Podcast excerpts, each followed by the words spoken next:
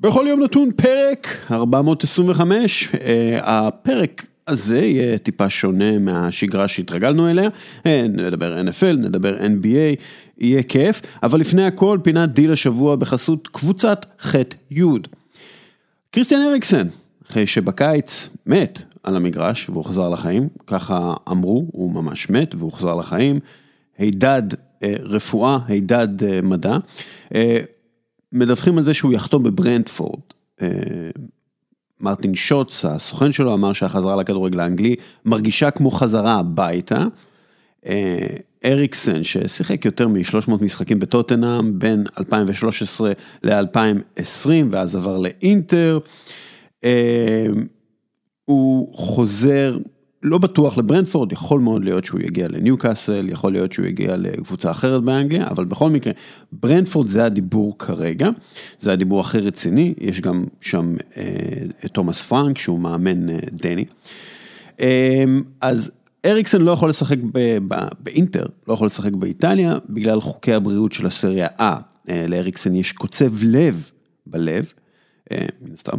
ואם חלילה שוב יסבול מדום לב, הקוצב נכנס לפעולה, אה, זה תכשיר רפואי שלפי החוקים באיטליה אסור לשחק איתו כדורגל מקצוע, מקצועי, אבל כן מאושר לשחק איתו כדורגל מחוץ לאיטליה. למשל לדיילי בלינט מאייקס יש קוצב לב דומה, מה שמאפשר לו אה, לשחק למרות שחווה בעיות אה, לבביות במהלך משחק. אז כן, טכנולוגיה רפואית זה דבר מדהים.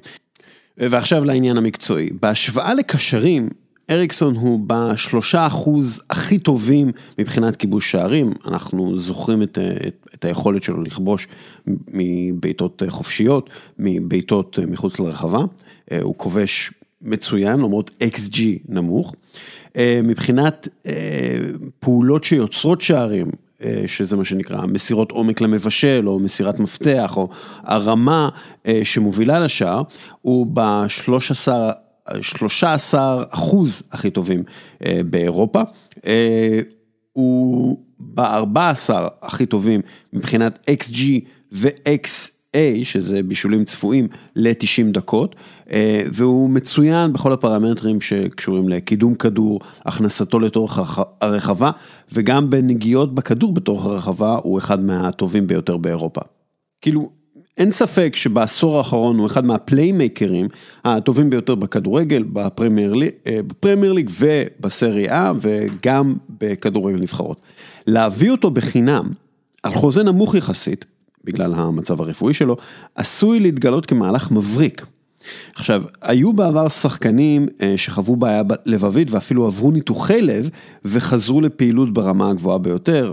אה, נומנקו קאנו מארסנל למשל, אה, הוא הדמות הכי מפורסמת, השיר עליו אפילו היה He's back, he's big, he's black, he's had a heart attack, נאוונקו קנו, נאוונקו קנו, וגם דרך אגב הוא כל פעם שהוא חזר מפציעה זה he's big, he's black, he's back and he's had a heart attack, קיצר, לא חשבתי שאני אי פעם אשאיר את זה, אבל בכל מקרה, אה, אגב גם קנו שוחרר מאינטר כמו אריקסן, אמ, אז האם אריקסן יגיע לברנדפורד? אני מקווה שכן בשבילו, כי ברנדפורד, ברנדפורד מועדון מאוד חכם בשוק העברות השחקנים, כל כך חכם שהוא הפך קבוצה מהליגה השלישית לקבוצה שככל הנראה תישאר בפרמייר ליג אה, בעונה הראשונה שלה שם, אה, ותעשה את זה בצורה די מרשימה, עם אחד מתקציבי השכר הנמוכים ביותר בליגה. וברנפורד עושה את זה כשהם רווחיים מאוד בשוק העברות השחקנים, כלומר לא הגיע שם אה, בעלים מולטי מיליארדר רוסי ששם מלא כסף, הם עלו בסולם המקצועי ובסולם הכלכלי בגלל התנהלות חכמה בשוק העברות השחקנים. עכשיו, הכל מגיע בברנדפורד, הכל מגיע מאיזושהי חשיבה שהם אנדרדוגס. עכשיו תראו, בגלל שאין להם מחלקת נוער, כי פשוט לקחו להם את השחקנים הכי טובים ממחלקת הנוער, אז הם אמרו, למה, ש... למה שנחזיק אותה? אז אין להם מחלקת נוער, ואין לה כסף אה, כדי לרכוש את הכישרונות הגדולים ביותר, אז המועדון אה, חייב למקסם את הפעילות שלו בשוק העברות השחקנים, וגם את הכישרון הקיים של השחקנים שלו, בשביל להמשיך את המודל הייחודי שלהם. אה, לשם כך, הקבוצה משקיעה הרבה יותר מקבוצות במצבה, בצוות אימון ובמעטפת, והצוות אימון הזה מלא במאמנים מומחים שמתמקדים בשיפור יכולות השחקנים באלמנטים שבדרך כלל לא מתמקדים בהם בכדורגל העולמי, סתם מאמני ריצה, מאמני בעיטה, תזונאים, מומחים לשינה, מה שתרצו. אם אריקסון יגיע לקבוצה הזאת, אני בטוח שיעטפו אותו בכל מה שהוא צריך כדי לחזור לרמה אה, הגבוהה ביותר בכדורגל האנגלי ובכדורגל האירופי. עכשיו, כאמור, לאריקסון יש עוד הצעות, גם אה, פס ואיינדובן למשל, ודיברנו גם על אה, ניו קאסל ועוד כמה קבוצות מהפרמייר ליג, אבל נראה לי באמת שבשביל החזרה המושלמת שלו למשחק, הוא צריך חצי שנה, אולי עונה שלמה, במועדון כמו ברנדפורד. וזה החוזה, ש... זה הצעת החוזה שהוא קיבל לפי הדיווחים, ואני מאוד מקווה שהוא אכן יחתום בברנדפורד. הפינה בחסות, בחסות, קבוצת ח'-י' שמביאה לכם את טלוויזיית אולד של LG, אלו הטלוויזיות המתקדמות בעולם, כל פיקסל מואר באופן עצמאי, איכות התמונה הטובה בעולם, וזה לפי כל הסקירות המקצועיות וביקורות הגולשים, ודיברנו על טכנולוגיה, אז כן, טכנולוגיה, yeah. Uh, מי זה, מי זו קבוצת ח'-י' היא יבואנית המותגים ומובילים, LG, אייסנס, אסקו, סנדיסק ועוד.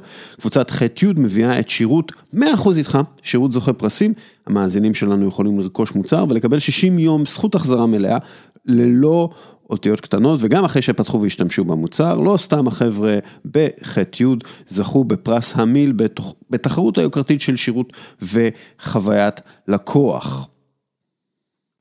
ועכשיו לפרק, אה, NBA, NFL, מתחילים.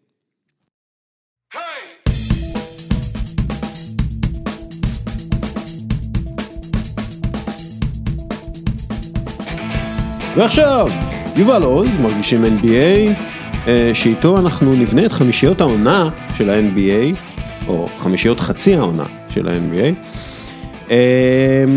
מרגש, מרגש להיות פה, זה כאילו המקום עבודה החדש שלי, אבל עוד לא הייתי פה, זה ממש מרגש. מה שנקרא, אני קיבלתי אותך למקום העבודה כן. החדש שלך. אמ, מה, איך אתה?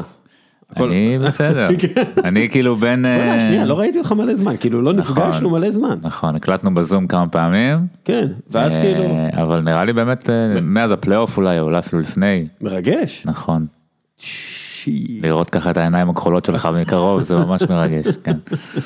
אמ, לא, תשמע, מפגש אה, פנים מול פנים זה משהו נדיר בימינו. בימינו אנו זה לגמרי לא מובן מאליו. עשינו, אמ, אני בדיוק עכשיו במשא ומתן עם אה, לליגה, על רעיונות, על סדרת רעיונות עם קבוצת כדורגל שאני כאילו מעמיק לתוכה.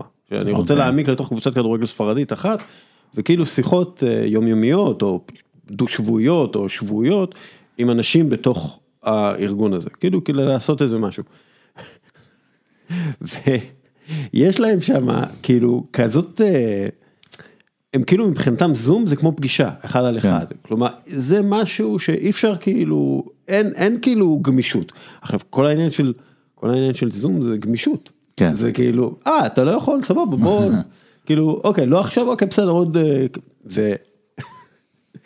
כאילו, אתה יודע, הזום החליף את הפגישות האמיתיות, זה, אני מרגיש כאילו אני קובע להגיע לספרד ולעשות שם השתתפות, זה, זה נורא. אה, טוב, יאללה, חמישיית העונה. יאללה, קדימה, חצי עונה מאחורינו. קודם כל ניקולה יוקיץ', כאילו, חמישייה כן. ראשונה, ניקולה יוקיץ' מוביל, ה-PR הגבוה בהיסטוריה כרגע, וקבל נתון מדהים. אתה בסדר? כן, כן. נפלת מהתחת, מה. 43... המספרים של יוקיץ' פשוט הדהימו אותי. זה, האמת היא זה נכון. 43 אחוז מסלי השדה של דנבר העונה, זה מהאסיסטים שלו. עכשיו אתה יודע, עכשיו הוא קולע מלא גם כן, כן? הוא כאילו על... כן. עכשיו רק לוקה דונצ'יץ' וטרי יאנג מסרו ליותר סלי שדה מאשר יוקיץ' והם רכזים. עכשיו, אתה יודע, הוא אגב, כולם במדד הזה של אה, אחוז אה, סלי שדה מהאסיסטים שלך, כולם רכזים, לפי דעתי בטופ 20 זה 19 כן. או 18 רכזים. אבל אני רוצה להתחיל עם זה. ו, ופה יהיה לנו דיון שאנחנו ניכנס אליו גם במהלך בחירת חמישיות, אבל למה יוקיץ' נחשב סנטר ולא point guard? זאת שאלה שאני אני מתחבט איתה כבר הרבה שנים בוא נגיד ככה כאילו ה, יש לי כזה ב notes לפודקאסט אז כאילו ה bullet הראשון שלי כתוב עמדות זה מטומטם. כי כי כן. כי זה מטומטם במלא רמות כי נגיד באולסטאר הם כן עושים front court ו back court ובחמישיות העונה אז יש סנטר. פתאום צריך כן. לבחור סנטר. ויוקיץ' כמו שאמרת הוא לא סנטר קלאסי. וגם מה זה סנטר קלאסי אין כמעט סנטר בדיוק. גם, גם אמביד. הוא לא הוא סנטר כאילו אתה יודע הוא הכי דומה לשאק שיש אבל הוא לא עשיתי- סנטר. אני עשיתי אה, אה, retweet לדרו הנלן, המאמן האישי של ג'ואל אמביד, שמראה סרטונים של ג'ואל אמביד לצד סרטונים של קובי בריינט כן, ומייקל את ג'ורדן. ואתה אומר, רגע, שנייה, הוא, כן. הוא, הוא שני מטר 200, כאילו, שוקל 300 קילו, כאילו, מה זה הדבר הזה? וכאילו ג'ואל אמביד וניקולה יוקיץ' הם שניים מהשחקנים, מחמשת השחקנים הכי טובים העונה. כן. בכלל- בטח בחודש האחרון שאמביד פתאום נהיה מפלצת מאז דצמבר. הוא היה מפלצת, הוא הפך כאילו למפלצת של... לא, הוא התחיל את העונה. כזה חצי כוח ובחודש האחרון הוא כבר ממש כן, אתה יודע. חצי, חצי כוח שלו זה... כן, 20, חצי כוח 10, שלו כן. זה עדיין כאילו second team third team All NBA עכשיו הוא פשוט אם אם לא היה את הקטע הזה ש- שאתה חייב לבחור סנטר אחד אז הוא היה בחמישייה הראשונה. כאילו זה, אני באמת, הלוואי וזה יקרה, ואני חושב שזה יקרה, כי אני, האמת היא אני לא יודע מה הפוליטיקה של ה-NBA, אבל אני, אני די בטוח שב-NBA מסתכלים על זה, והעיתונאים שמה מתלוננים על זה. למה לא לבחור פשוט את החמישה הכי טובים בעונה? זה כאילו, אם הם חמישה סנטרים, סבבה, אם הם חמישה point גארדים, סבבה גם. כאילו זה לא ש, שיוקיץ' אתה יכול להגדיר כסנטר, כאילו הוא לא חמש, כן. כאילו הוא לא, הוא יוקיץ'. הוא יוקיץ'. הוא פשוט המציא עמדה שהיא הוא. point center. ג'וקר. כן, כן בדיוק הוא ג'וקר literally. כן. וכאילו הסיפור פה בעיניי הוא הוא שב-NBA נראה לי יש להם איזה מין פנטזיה כזאת שצריך לבחור קבוצה שהיא אה, אפשר שהיא make sense. כן. שחמישייה שהיא שהיא הגיונית לא צריך. למה? כן. תן כבוד לחמישה שחקנים הכי, זה כאילו מבחינתי לתת respect לחמישה שחקנים הכי טובים בעונה. אם הם של, שלושה point גארדים ושני סמול פורוורדים, I don't give a shit, כאילו זה. זה, עכשיו, כי מה שקורה פה שאמביד הרי הוא השחקן, יש לנו ארבעה locks, בוא נגיד את זה ככה, כן. שאתה לא צריך, אתה לא צריכים אותנו בשביל לדעת שהם locks, כאילו כן. אתם צריכים עיניים, שזה יוקיץ', אה, דורנט, סטף ויאניס. והחמישי הוא כאילו גארד, כי כאילו יוקיץ' ו- כן. ויאניס ודורנט הם פורוורדים, ו- ואז אתה צריך למצוא גארד, אז אמביד לא יכול להיכנס. ואולי אמביד יכול להיכנס עכשיו על דורנט או על יאניס, לא יודע, אפשר לדבר על זה, כן. אם אתה יכול להכניס אותו כפורוורד. אולי אפשר להכניס את יאניס, או את קווין דורנט כ second guard, לא יודע, זה פשוט מגוחך. כן, זה מגוחך, אז אתה צריך להכניס גארד עכשיו כאילו בכוח, למרות שהוא לא באמת השחקן החמישי הכי כן. טוב, אה, ופה אנחנו כבר, פה זה כבר נהיה מעניין, זאת אומרת, פה זה כבר, אה, אני רק אגיד עוד משהו אחד על יוקיץ' ואז נתחיל לדבר כבר על דברים אחרים, שעשיתי כזה אקסל עם מלא, עם מלא סטטיסטיקות, לקחתי את ה-40 שחקנים שהם אה, רלוונטיים לדיון הזה, הוצאתי את כל הסטטיסטיקות שלהם, כולל ה-advanced metrics שלהם, אתה יודע, ווינשרס, BPM. וורפ, כל מיני דברים כאלה. וורפ, value over כן. replacement, זה אגב, הוורפ זה ה-go to שלי.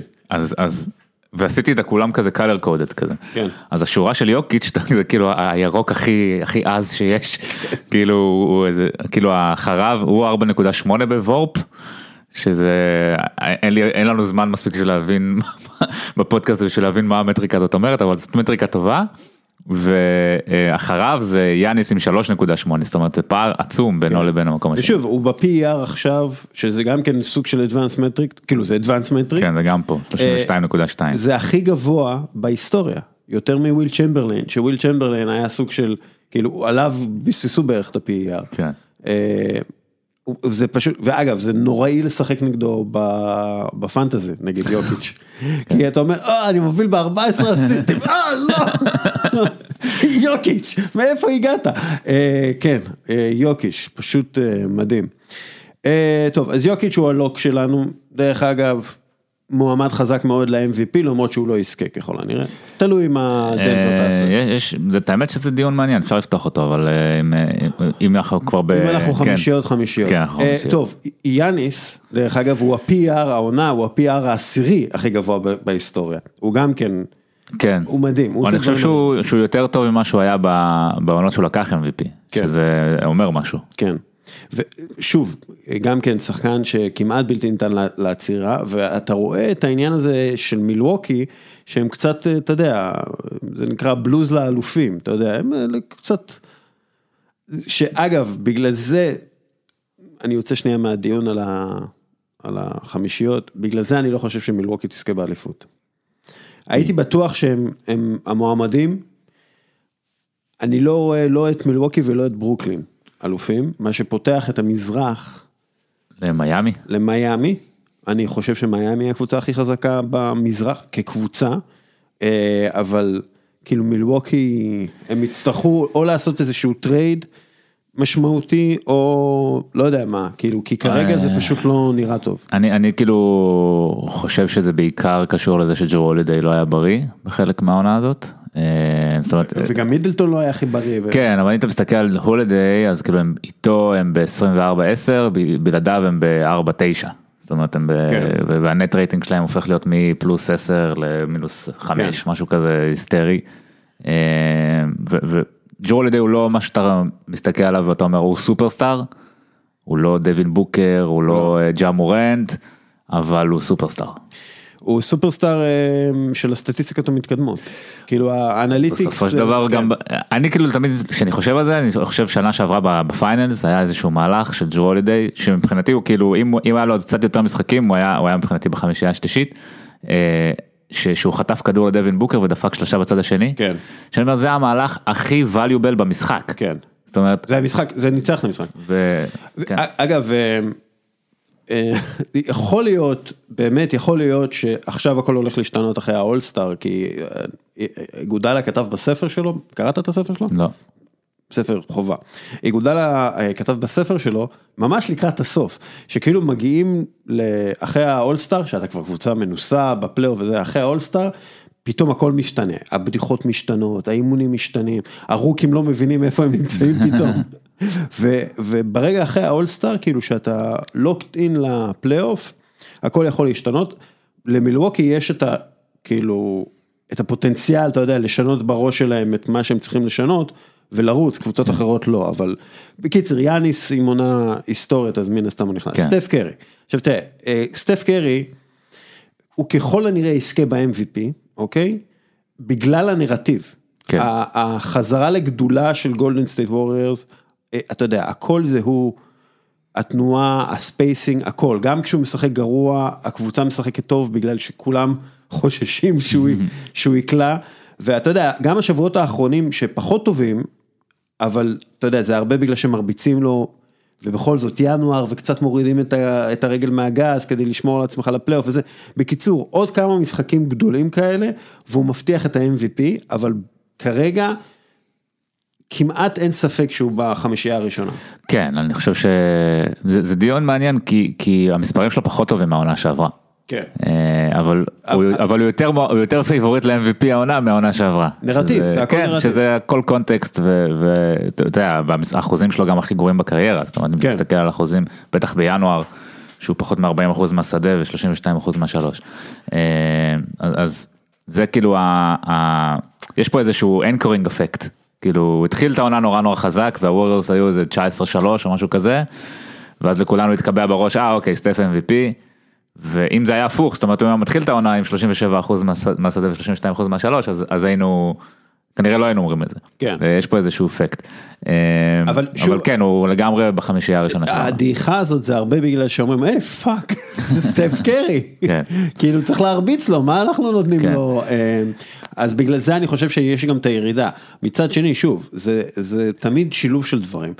ינואר, אתה יודע, אה, דריימון גרין קצת פצוע, אז נותנים לו כן. לנוח את הרצף משחקים הלא כל כך אה, נורא של גולדן סטייט. משלבים את קליי חזרה. כן, ו- משלבים את קליי, וזה... אני כן חושב ש, שסטף, אמנם המספרים פחות טובים, אבל אני חושב שההבדל גם בינו נגיד לבין לברון, אה, זה שסטף הוא שחקן ש... לברון הוא שחקן שהופך את השחקנים לידו לטובים יותר, את ה role players שלידו לטובים יותר, ליתר דיוק, כי הוא מקבל בשבילם את ההחלטות, אבל סטף מעצים את השחקנים שלידו. כאילו סטף לא צריך לקבל החלטות בשביל השחקנים האחרים, הסביב- ה proximity לסטף עוזרת לשחקנים אחרים להיות טובים יותר. זאת אומרת, אם אתה מוציא את סטף מהמשחק, פתאום אוטו פורטר לא יודע להקפיץ. כן. אבל כשסטף על המגרש, פתאום יש לו הרבה יותר space, ואתה יכול לשחק עם non shooters, וזה היתרון הגדול של סטף. כדורגל וכדורסל מאוד דומים, והם מאוד דומים בדרך שאני מסתכל עליהם כרגע.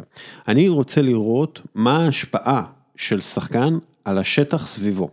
זה הדבר, מכל הסטטיסטיקות בעולם, זה הדבר ש, שהכי אה, אה, מרתק אותי. וברגע שאתה רואה שחקן שהוא משנה, מה שנקרא, הוא משנה את ה-time and space, אומרת, ברגע שהוא משנה את השטח סביבו, אז אני אומר, אוקיי, השחקן הזה מיוחד. אם זה קרים בן זמה שהתנועה שלו בעצם הפכה את רונלדו לגדול הסקוררים בכל הזמנים של ריאל מדריד, והיום אנחנו רואים אותו כאילו מנצל את הספייס עבורו, אז סטף קרי, מה שהוא עושה, איכשהו, את הכמות שחקנים שהוא מביא אליו, ובככה בעצם משנה את הגיאומטריה של המגרש, זה, זה, זה נדיר, זה נדיר באמת כמו ירח כחול, זה, זה דברים שלא קורים.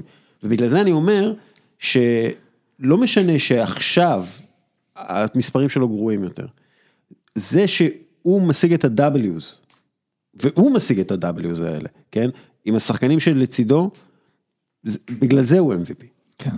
אה, שוב, אתה אמרת נקודה מאוד נכונה שלברון משפר את השחקנים לצידו, וסטף קרי לא, לא משפר, הוא פשוט הופך את השחקנים לצידו. כן, הוא מעצים אותם, הוא-. הוא enables them, כאילו, ולברון, אה, ש- שהוא בסקנטים שלי, כן, הוא שחקן, כן, הוא נותן. עונה, הוא נותן נותן עונה מדהימה.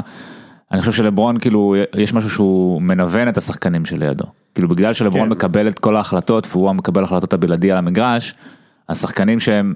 אה, ראסל ווסטברוק זה לא דוגמה כל כך טובה כי אתה לא רוצה שהוא יקבל כבר החלטות כן. אבל לכאורה אתה יודע שחקנים כמו קווין לאב קריס בוש שחקנים שיכולים לקבל החלטות וקיבלו החלטות בעבר על המגרש הם מתנוונים כי הם כן. אה, לברון הוא כבר אה, לוקח להם את כל התפקיד. אז זהו, אז סטף קרי, תראה, ג'ורדן פול לא היה צומח ככה לצד אה, לברון ג'יימס. זה, זה, ה- אז בקיצר, הוא MVP כרגע, והוא מן הסתם בזה. קווין דורנט, טוב, הוא פשוט באחת העונות הכי טובות מבחינת כליאה. ואם, אתה יודע, ואם ה-MCL הזה, שזה פציעת אה, גיד, ח- לא, קשה, אבל לא חמורה, זה לא משהו כן. שמסיים עונה, אם אה, הוא חוזר בריא, ואתה יודע, הם מגיעים מקום אה, ראשון, שני, שלישי למזרח, אז אתה יודע, זה, זה הוא ניצח את המשחקים האלה לברוקלין, אף אחד אחר לא. כן לא לא קסלר אדוארדס ולא אה, דיירון שרפ או איך שלא קוראים לו. דיוויד דיוק ג'וניור. אתה רואה את השחקנים, אתה רואה את הבוקסקורט, אתה אומר, אה, מי זה? כאילו. כן זה ממש אה, אמ, חמור מה שקורה שם. ולחמישייה הראשונה שלי אני הכנסתי את דמר דה רוזן, כי שוב, עניין הנרטיב חשוב פה יותר מהמספרים, ויותר מעצם העובדה שהוא סוג של small forward, אבל אפשר להכניס אותו להיות second guard, שזה הש- השטויות. כן זה זה בדיוק כן. כי בעיקרון הם משחקים קרוסו וכשהם בריאים שזה לא כן. קרה כבר בחודש חודשיים האחרונים אז אז לונזו ו- וקרוסו הם הגארדים. כן, והוא ולוין כאילו ו- אפילו, הוא אפילו כאילו סוג של power, power forward יותר, כן. שזה bullshit, הוא לא power forward, הוא second guard, הוא כאילו shooting guard, די. אה, תראה, השדרוג המשמעותי הוא, אתה יודע, זה שהגיע דמאר דה רוזן, שלא הכרנו לפניו, כאילו גם בטורונטו הוא לא היה ככה וגם בסן אנטוניו לא היה ככה, גם סלי ניצחון, גם הקלאץ', אתה יודע, הלוואי והוא ייקח את זה גם לפלייאוף, אני בספק, אבל הלוואי והוא ייקח את זה גם לפלייאוף, אבל דמאר דה רוזן הוא פשוט, בגיל הזה שלו, השדרוג הזה שהוא מביא, אני קצת כופר בטענה הזאת. אוקיי. אמ, אני חושב שדה רוזן היה טוב פחות או יותר באותה מידה גם בספיירס. אה, זאת אומרת הוא שיפר את היכולת אה, מסירה שלו ופשוט השחקנים שמסביבו לא היו כל כך טובים. אתה מכיר את המדד המתקדם W? זה המדד המתקדם זה בדיוק, הטוב ביותר. זה בדיוק הקטע, גם על דווין בוקר יכול לעשות אותו טיעון. המספרים שלו הם אפילו פחות טובים ממה שהם היו כשהוא היה אבל בזה. אנחנו, החמישייה הראשונה זה עניין של נרטיב, ולא עניין אז של או. נרטיב. האם קריס פול אין לו נרטיב יותר טוב מדמאר דה רוזן בגיל 36, 37, מה שזה לא יהיה? דמאר דה רוזן עושה לשיקגו, בעיניי, מה שקריס פול עשה לפיניקס בשנה שעברה. באיזה מובן? הוא כאילו, ה... פתאום הכל סביבו. והוא מגיע ל- לרבע הרביעי, וזה דה רוזן, קח את הכדור. וזק לוין, שהוא כאילו היה הכוכב, הוא הדווין בוקר בעצם. כן. זק לוין מפנה את את אה, שטח מקבלי ההחלטות, את שולחן מקבלי ההחלטות לדה רוזן. כן. ודה רוזן מקבל את ההחלטות בסוף. אה, ולכן דה רוזן הוא זה שאחראי לשדרוג, בעיניי, לשדרוג של ה-W's. אני מת על קרוסו, אוהב אותו מאוד, גם התווכחתי עם משה דוידוביץ' על זה שהוא העונה, אחד מ-50 השחקנים הטובים ביותר בליגה. אה, ואחר כך הוא נפצע וכולי, אבל הוא באמת, הוא, הוא נתן עונה אדירה.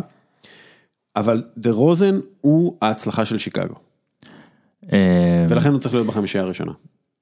אני חושב שצריך גם לתת פה הרבה קרדיט לבילי דונובן, שהצליח לעשות אינטגרציה לכל החלקים האלה תוך כדי תנועה, אבל כן, דה רוזן, אה, מבחינתי אם כאילו היה צריך לבחור חמישה שחקנים אז כנראה היינו בוחרים את אמביד, אבל, אבל דה רוזן כן. הוא שם.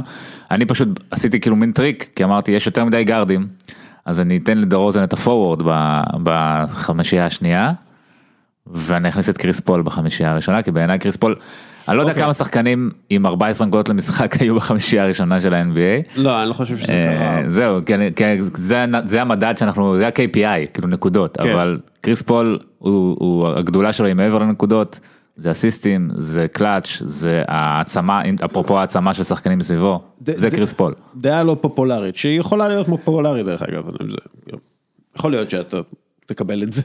אולי תהיה פופולרית בחדר הזה. הוא פשוט השחקן הכי משפיע בליגה. most uh, effective, לא, Influence. influence, MIP, לא, יש כבר כן. MIP, זה לא טוב. אה, הוא biggest influencer כן. בליגה. כי תחשוב על זה, קריס פול עוזב את יוסטון, קריסה. אה, קריס פול מצטרף לאוקלהומה, הופך אותה לרלוונטית. אנחנו רואים מה זה אוקלהומה, אוקיי? עוזב, קריסה. אה, פול אה, מגיע לפיניקס, קבוצה שלא הייתה עשור בפלייאוף, היא מגיעה לגמר. ועכשיו היא הקבוצה הכי טובה בליגה. כלומר, כשאתה, כשאתה מסתכל, זה גולדן סטייט ווריירס והם, אוקיי? זה באמת הרבה הוא. ובס... כן. אגב, בסטטיסטיקות המתקדמות רואים את זה. ואתה יודע, top, אה, top 10 ב win share ובכל הדברים האלה. אבל אתה יודע, הוא, הוא, אה, הוא כאילו כבר סיפר את הסיפור הזה, אתה מבין? כן, אני חושב שמגיע לו ובגלל זה הוא לא איזה... בחמישייה הראשונה. אני חושב שמגיע לו איזה lifetime achievement award כזה, על ה... כי, כי תשמע, הוא עושה את זה ב- ב- בגיל שפוינט גארדים כבר לא עושים את זה, כאילו, תסתכל על ההיסטוריה של הפוינט גארדים, איזיה תומאס כבר בגיל 32 פרש, אה, מג'יק בגיל הזה כבר לא היה מה שהוא היה, אה, סטף הוא כאילו לא בדיוק פוינט גארד, הוא איזשהו משהו אה, היברידי כזה שהוא כמו שיוקיץ' הוא יוקיץ', סטף הוא סטף, כן. אבל קריס פול בגודל שלו בגיל 35, 6, 7, אני כבר לא זוכר בן כמה הוא, אה, לעשות את מה שהוא עושה, אני חושב שמגיע לו איזשהו אה, קרדיט על זה. אה, מבחינתי גם, זה איזשהו דרך לסדר גם, כי, כי ה, ה, ה, ה, יש, יש המון גארדים ראויים, נגיע אליהם עוד מעט, ויש מעט מאוד פורורדים ראויים. אז דה רוזן כאילו מבחינתי להעביר אותו לפורוורד זה כאילו פותר לי חלק מהבעיה הזאת. אם פיניקס מסיימת את העונה במקום הראשון, אבל בפער מכל הקבוצות האחרות, שזה יכול לקרות. כן, כן זה in play. יכול להיות שהוא שווה לדבר עליו כ-MVP. אמ, אני יודע, it's far-fetched, אבל יכול כן. מאוד להיות, הוא יהיה בדיון, בוא נגיד את זה ככה, הוא לא יזכה אבל הוא יהיה בדיון. כן, כי תראה, כי אם נגיד אה, סטף קרי, כרגע הוא הפייבוריט ל-MVP, אתה יודע, ממשיך את הדעיכה שלו ומסיים את העונה באמת בקליעה גרועה, כן.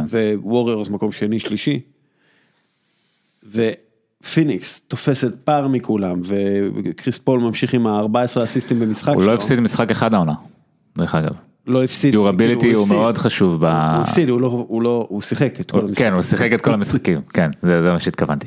אה, שזה גם בגילו וגם בעונה המטורפת הזאת כן. שכולם אה, אה, כל הזמן נהדרים משחקים, ודיורביליטי חשוב בדיון הזה. כן. אז כן. לא, כי גם, שוב, ההשפעה, אנחנו יודעים שההשפעה של יוקיץ' על המשחק היא אדירה, ההשפעה של קריס פול היא לא פחות. כן. כאילו, זה לא זה. אה, טוב, לברון ג'יימס גם כן בחמישייה השנייה.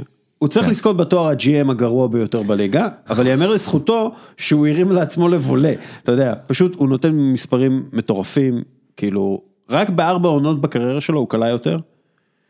אה, אנחנו מדברים על העונה ה-19, כן? כן.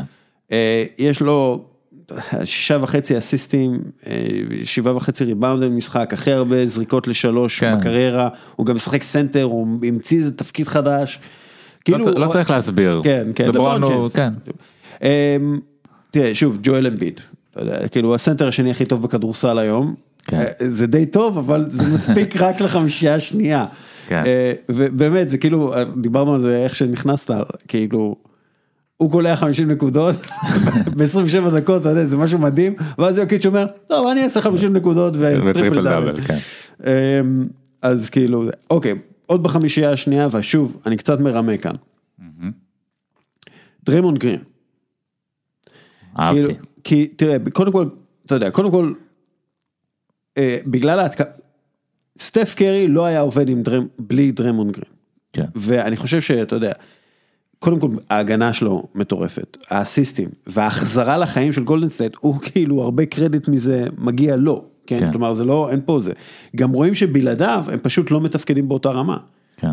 כאילו, אם אתה חושב על most valuable player, מאוד יכול להיות שלצד סטף קרי, ה player ההיברידי הזה, סטף, אה, סטפון, אה, סטפון, סטפון גרין, אה, יכול להיות שבלי הדבר הזה זה פשוט לא היה קיים גולדן סטייט. כן, אני זוכר בתקופה שברצלונה הייתה בשיאה, אז היה, מסי היה השחקן הכי טוב בעולם, וצ'אבי היה השחקן הכי טוב בברצלונה. כן, משהו כזה. ואז אז ההקבלה מאוד מאוד מתאימה לגולדן סטייט. סטף הוא השחקן הכי אחד הטובים בעולם, בעיניי הוא, הוא הכי טוב, אה, ו- ודריימונד הוא השחקן הכי חשוב בגולדן סטייט. אה, אי אפשר להפריד ביניהם כל כך כאילו בהשפעה שלהם, הוא, הוא, ההגנה שלו היא מדהימה. אני שמתי אותו בחמישייה השלישית. אוקיי. אה, כי אני כבר תפוס פה בפורוורדים, גם לברון וגם דה רוזן. אה, אבל לגמרי, הוא, אמרנו קריס פול, 14 נקודות, הוא עם 8 נקודות למשחק. כן. אני לא יודע כמה שחקנים עם 8 נקודות למשחק הגיעו לחמישיית העונה, אבל אני חושב שהוא מגיע לו. זאת אומרת, אני חושב גם שאנחנו צריכים לצאת מה mindset הזה של נקודות. כאילו, כן. בסוף המשחק הוא הרבה יותר רק ממי קלה אה, אה, אה, נקודות, כי אחרת היינו נותנים ל... לא יודע. ושוב, יש לנו את ג'ייסון הסטטיסטיקה. טייטום היינו נותנים לו את נכון. המקום הזה, והוא לא מגיע לו. נכון, וזה בדיוק העניין. ברגע שיש לך השפעה על המשחק, ולגרין אתה פשוט רואה את ההשפעה, זה באמת לא משנה כמה נקודות יש לו. כן. כי הוא אחראי, ואולי שווה באמת להסתכל על הסטטיסטיקה הזאת, על כמה מהנקודות שחקן אחד אחראי. כן. אה, למשל יוקיץ' שהוא קולע 50 נקודות ואחראי עוד ל-43 אחוז כן. מהנקודות של... אה, התחיל את המהלך, כמו שפעם היו עושים על הלגיונרים, אתה כן, זוכר? כן. לא, הוא מתחיל את המהלך, מסיים את המהלך. כן, ו- מרים את הקרן והולך לנגוח. כן. אמ, אז אנחנו רואים את ההשפעה של גרין, כלומר ברגע כן. שאתה רואה, איך רואים את ההשפעה שלו, ברגע שהוא יוצא החוצה, אתה פשוט אומר, שנייה, משהו כן. לא מסתדר לי כל כך בווריורס האלה, אה אוקיי, דרמון גרין. עכשיו. לא נמצא שם פשוט. ואגב, אין לי ספק שברגע שגרין יחזור לשחק, ואנחנו לא יודעים בדיוק מה הפציעה שלו, זה משהו שברגל האחורית, בשריר האחורי שקשור לגב, נותנים לזה. שזה, כן, אתה יודע, יש כן. לזה קצת, אה, זה זה. סימני אזהרה, כי כן. דריימונד לוקח על עצמו הרבה מאוד, אה, הוא לא 2.15 כמו אמביד או כן. או- או בגודל של יוקיץ', הוא- הוא הוא משחק כסנטר, אבל הוא- הוא בגובה שלך בערך, ו- וזה, יש הרבה עומס על הגוף הוא לא- הזה. הוא לא ו- בגובה שלי בערך. כן, הוא שתי מטר, אתה יודע, אם אני, אה, אם אני, אם אני אה, מפרגן לו. כן, שהוא עומד על האצבעות. כן, אם אני מפרגן. קצות אה, האצבעות. ו- ויש הרבה עומס על הגוף הזה, זה מטריד קצת. כן. מצד שני זה גם, אתה יודע, הוא לא הארוכים האלה שבעיית כן. גב אצלהם זה סוף העונה. נכון. אמ, אני כן אמליץ רק נקודה אחרונה לגבי דריימונד, תראו את הסרטון שלו עם דוריס ברק שהוא מפרק מהלכים. הגנתיים, כאילו אתה אומר אה הוא גאון, כאילו פשוט גאון. לא, זה גאון, זה, זה רמת קריאת משחק של, של, כן. של מג'יק ג'ונסון, של לברון ג'יימס, זה ברמה הזאת. כאילו. כן. טוב, ג'ה מורנט. חד משמעית. אגב, הוא וג'וש גידי זה השחקנים שאני הכי אוהב לראות בהם בעונה, אה, אבל ג'ה מורנט, כאילו, my God. אפרופו כאילו ממפיס, אני חושב ש... אני יודע, זה מצחיק להגיד מה שאני הולך להגיד עכשיו, אני חושב שדזמונד אה, ביין חשוב לגריזליז כמו ג'ה מורנט, כן, דזמונד ביין הוא אדיר.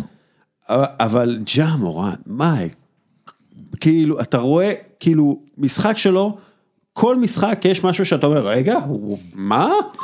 כן. זה, הוא עשה את זה עכשיו? זה כאילו משהו מה, מעולם הפנטזיות של, של מישהו. אה, הוא, הוא באמת שחקן מדהים, והוא הולך להיות הרכז הכי כן. טוב ב-NBA אם הוא יישאר בריא. אין לי אין לי משהו מעבר להגיד לזה, הוא פשוט מדהים. אגב- כל, כל משחק זה פשוט כיף לראות אותו כן, משחק. אגב, גם הוא לא פוינט גארד.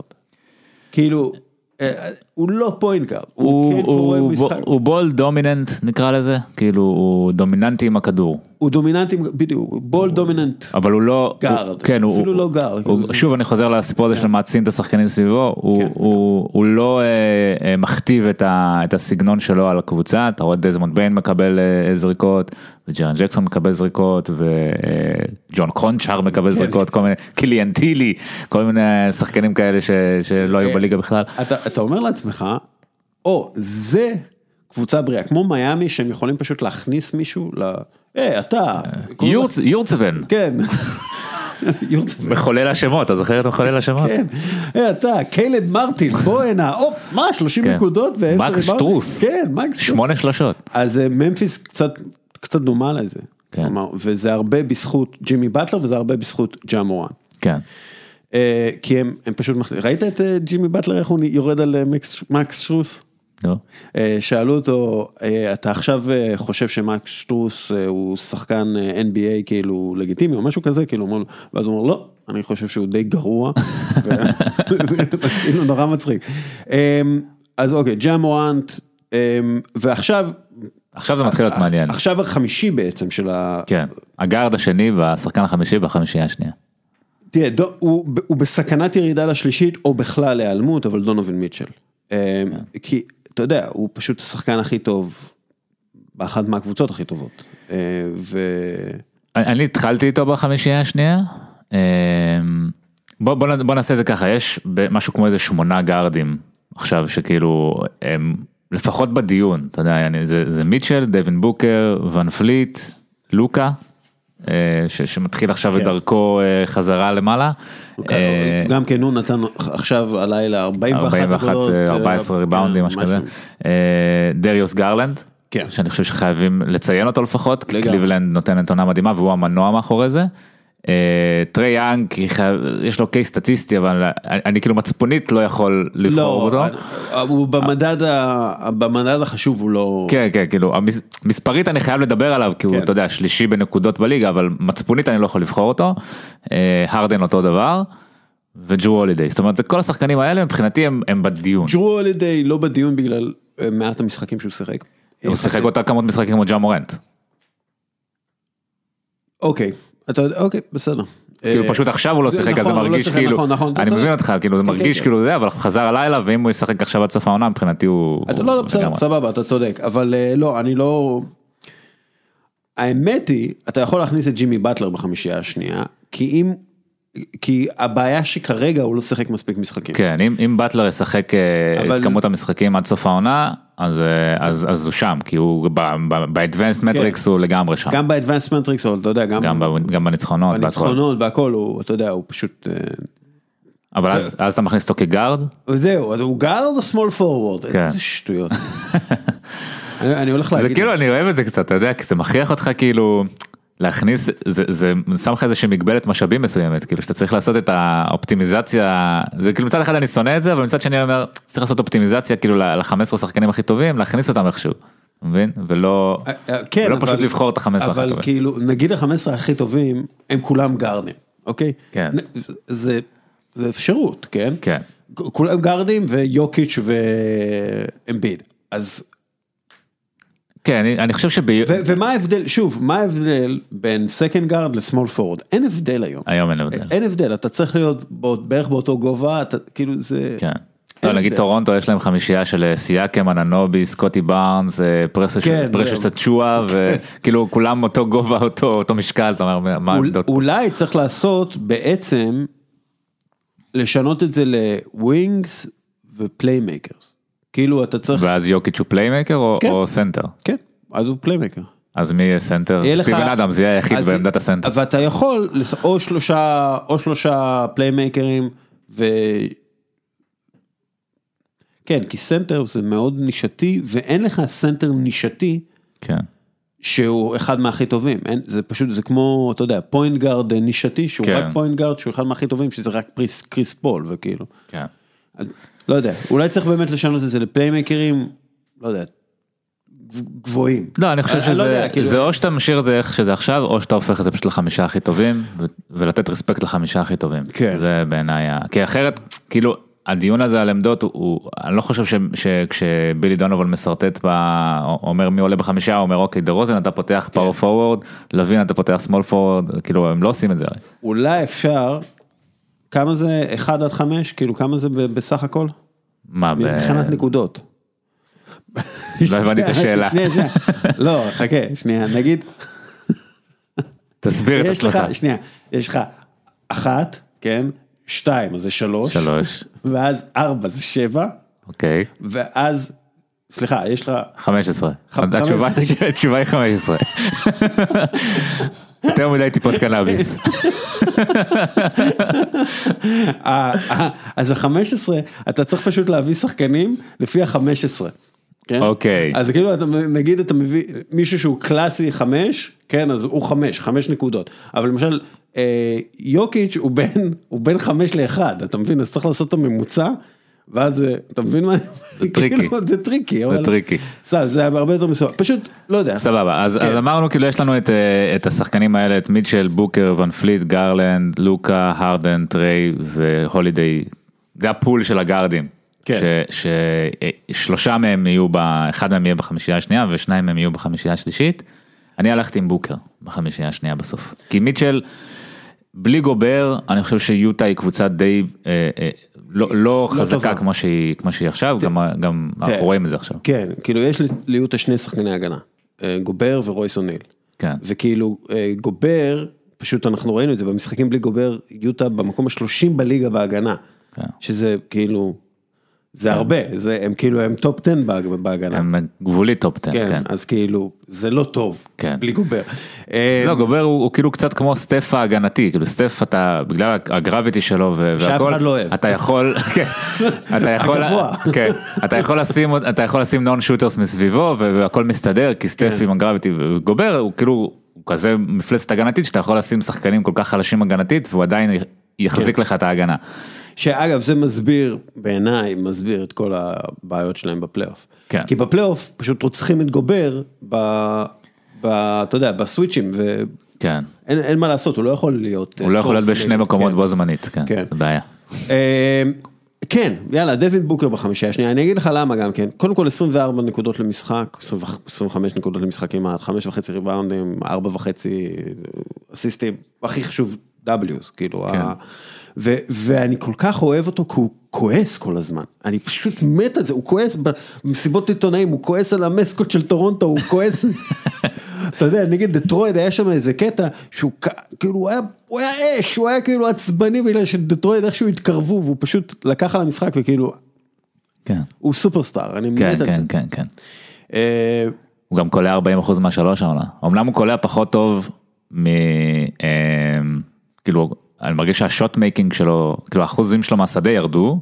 זה גם קשור לזה שהוא זורק יותר שלשות, אבל זה גם כי הזריקות שלו, שהוא פעם היה קולע, אתה יודע, שני אנשים עליו, הוא כבר פחות קולע את זה העונה. אה, פשוט קצת ירד לארץ האחוזים האלה. אבל, אה, אבל אני חושב שהוא, מבין כל השחקנים האלה, שציינתי מקודם, הוא השחקן שאני רוצה, הוא השחקן שאני הכי רוצה. אתה יודע מה, אני אשאל את השאלה הזאת, גם הגנתית הוא השתפר. בלי קריס פול, איפה פיניקס?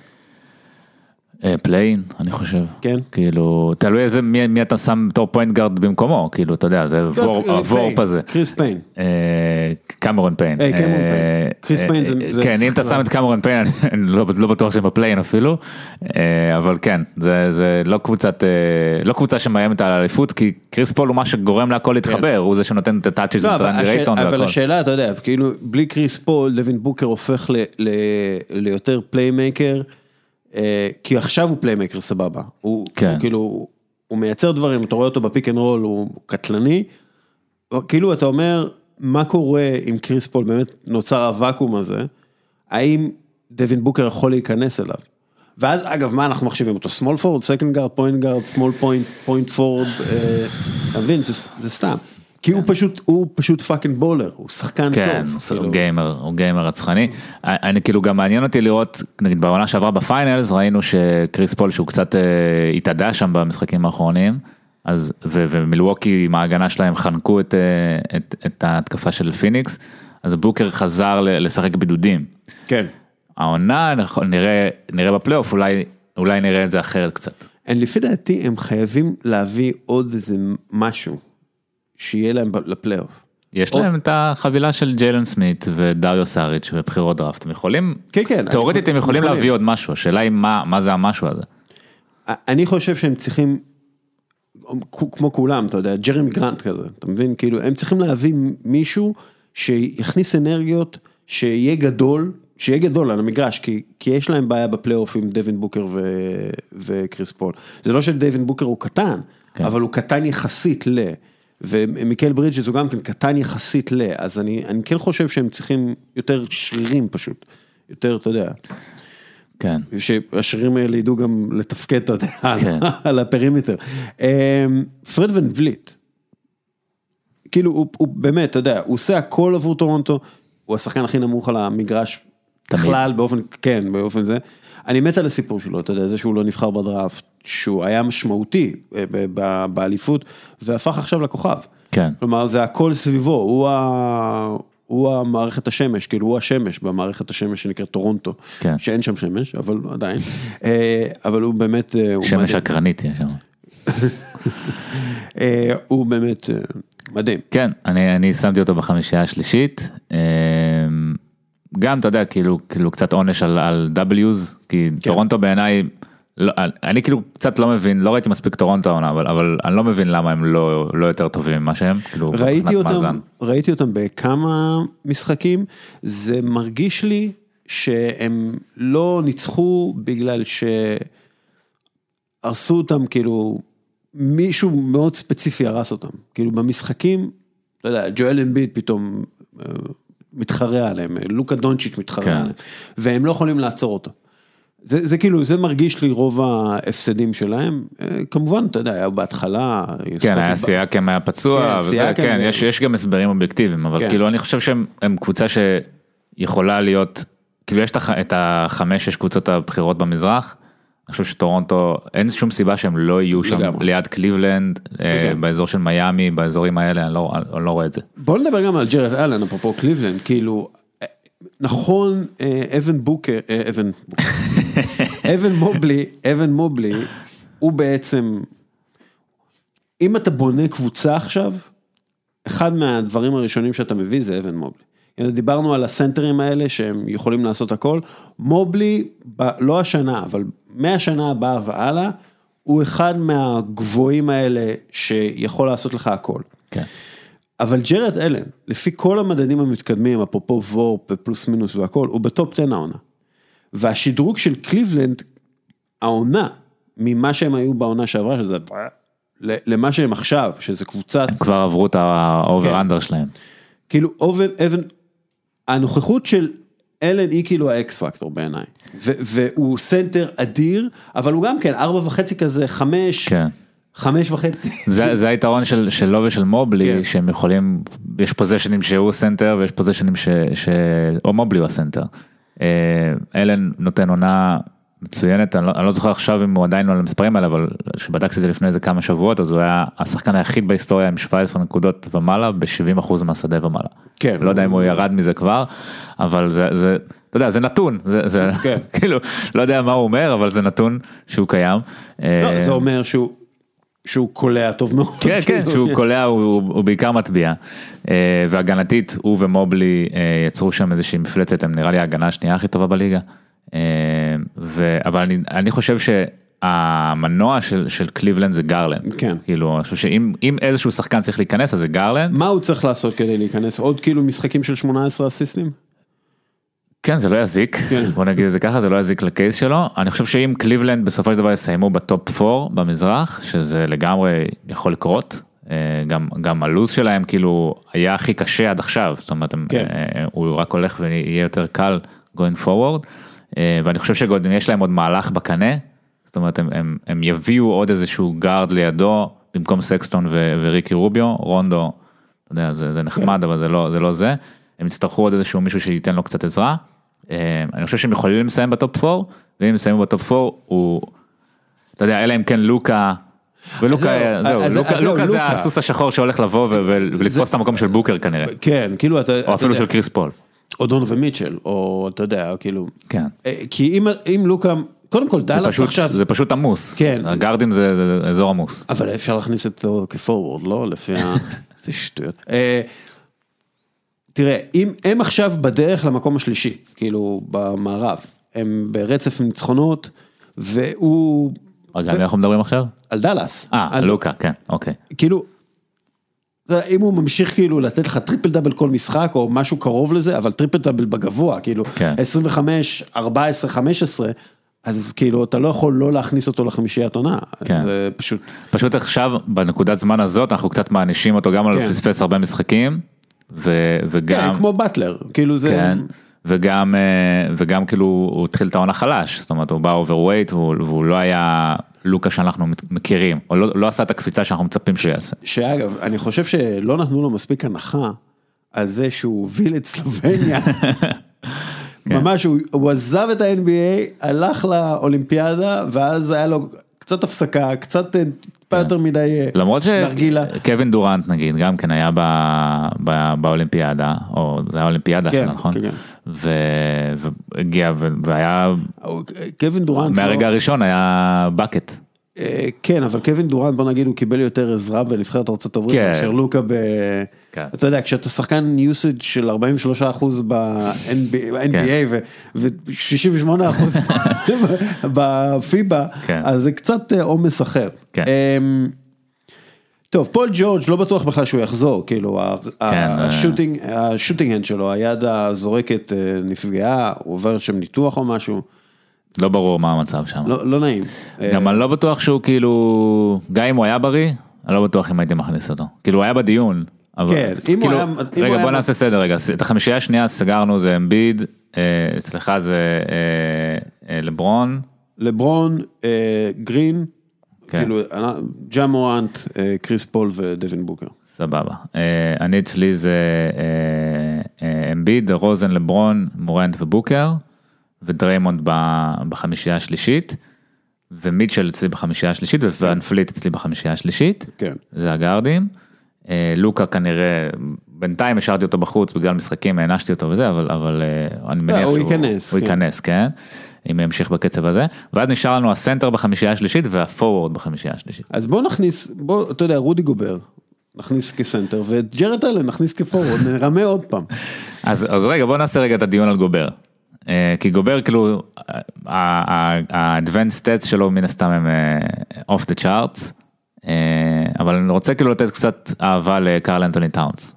כאילו, אוקיי. כאילו לא, אולי לא לבחור אותו, אבל כן, לא, בסדר. להכניס אותו הקבוצה שלו- ל- לא, לא, להכניס אותו לדיון. הוא- הוא גם כן בדיון. כן, ש, שכשהוא נמצא על המגרש, אתה יודע, הגנתית הוא מן הסתם לא גובר, אבל התקפית, אתה יודע, הוא, הוא הוא- 50, 40, 80 בעמדת כן. הסנטר. זה, זה, לא, הוא הוא. סנטר התקפי אדיר, מינסוטה לא מביכה. כן, שזה, שזה שזה- הרבה. שזה הרבה עבור מינסוטה, כן. אה, והוא, הוא- כן, הוא טוב מאוד בכדורסל. כן. אני, אני, שוב, יש לי קצת בעיה איתו, אני לא הייתי סומך עליו אה, בפלייאוף או במשחקים אה, כן. צמודים, אבל אה, כן. אתה יודע, למשל אני מסתכל, הוא גם כן לא סנטר. הוא, הוא, אם אתה מסתכל כאילו מספרים קלאסית, הוא ארבע. ונדרבילט, אה, הוא אה, הסנטר שלהם, כאילו מבחינת כאילו דה פקטו. כן, יש בזה משהו. אז כאילו, להכניס אותו כסנטר, או מה, במקום ג'רד אלן שהוא, או במקום כן. רודי גובר, כן. אמ, אז רודי גובר, אה, כאילו טאונס רציתי רק לתת לו קצת אהבה, אבל גובר הוא באמת הבחירה שלי, כי הוא השחקן הכי חשוב של יוטה, ויוטה היא קבוצה, אתה יודע, כן. הרביעית הכי טובה במ- במערב כרגע. אבל אתה חושב? כן, לפי דעתי הולך להיות שם שינוי גדול. הם לא סתם הביאו את דני איינג'. כאילו, השאלה אם, אתה יודע, אם הוא מביא את רודי גובר, לא יודע, שולח את רודי גובר ל... תן לי, תן לי, זהו, רודי גובר, כאילו, אתה צריך אה, לבנות סביבו, ביוטה הם ממש בנו סביבו, כאילו הוא כזה החממה שמסביבו. ועדיין לא. מוסרים, לא? כן, אתה יודע, וכאילו גם כששחקן, אתה יודע, פרד ואן פליט שומר עליו, הם, הם לא ימסרו לו, אה, אבל הוא השחקן הכי חשוב שלהם, זאת אומרת, הוא, אתה מסתכל פלוס מינוס, זה, זה, זה לא, זה ברור שזה הוא, אז אני מבחינתי הוא בחמישייה השלישית, לגבי מה יקרה, אתה יודע, זה מאוד תלוי מה יהיה בפלייאוף, הם לא יכולים להרשות לעצמם עוד, עוד הפסד. אבל יהיה להם. עוד הפסד בפלייאוף. אה, זה לא, אתה יודע, הם יגיעו בפלייאוף, נגיד מקום שלישי, הם יגיעו נגד לייקרס. הם נגיד קבוצה שחייבים ג'רמי גרנט. הם חייבים, חייבים. כאילו די, אתה לא יכול לרוץ עם בוגדנוביץ' וג'ו אינגלס בפלייאוף, כאילו הגנתית זה פשוט, אתה יודע, כן. כאילו גובר לא יכול לעשות בטח עם הכל. קונלי ומיטשל, שהם לא איזה... כן, קונלי הוא כאילו, אתה יודע, הוא הוא מגן טוב, אבל הוא כן, הוא לא, הוא לא מישהו שאתה יכול לשים על לברון, הוא לא מישהו שאתה יכול לשים על אה, נגיד, שחקנים מהסוג הזה. נגיד איכשהו יש דאלאס יוטה בסיבוב הראשון, זה הולך להיות כאילו, זה הולך להיות נורא עבורם, כן. נורא. כן, לוקה, לוקה דבר ראשון שהוא playoff performer, כן. כאילו, ברמות הכי גבוהות שיש.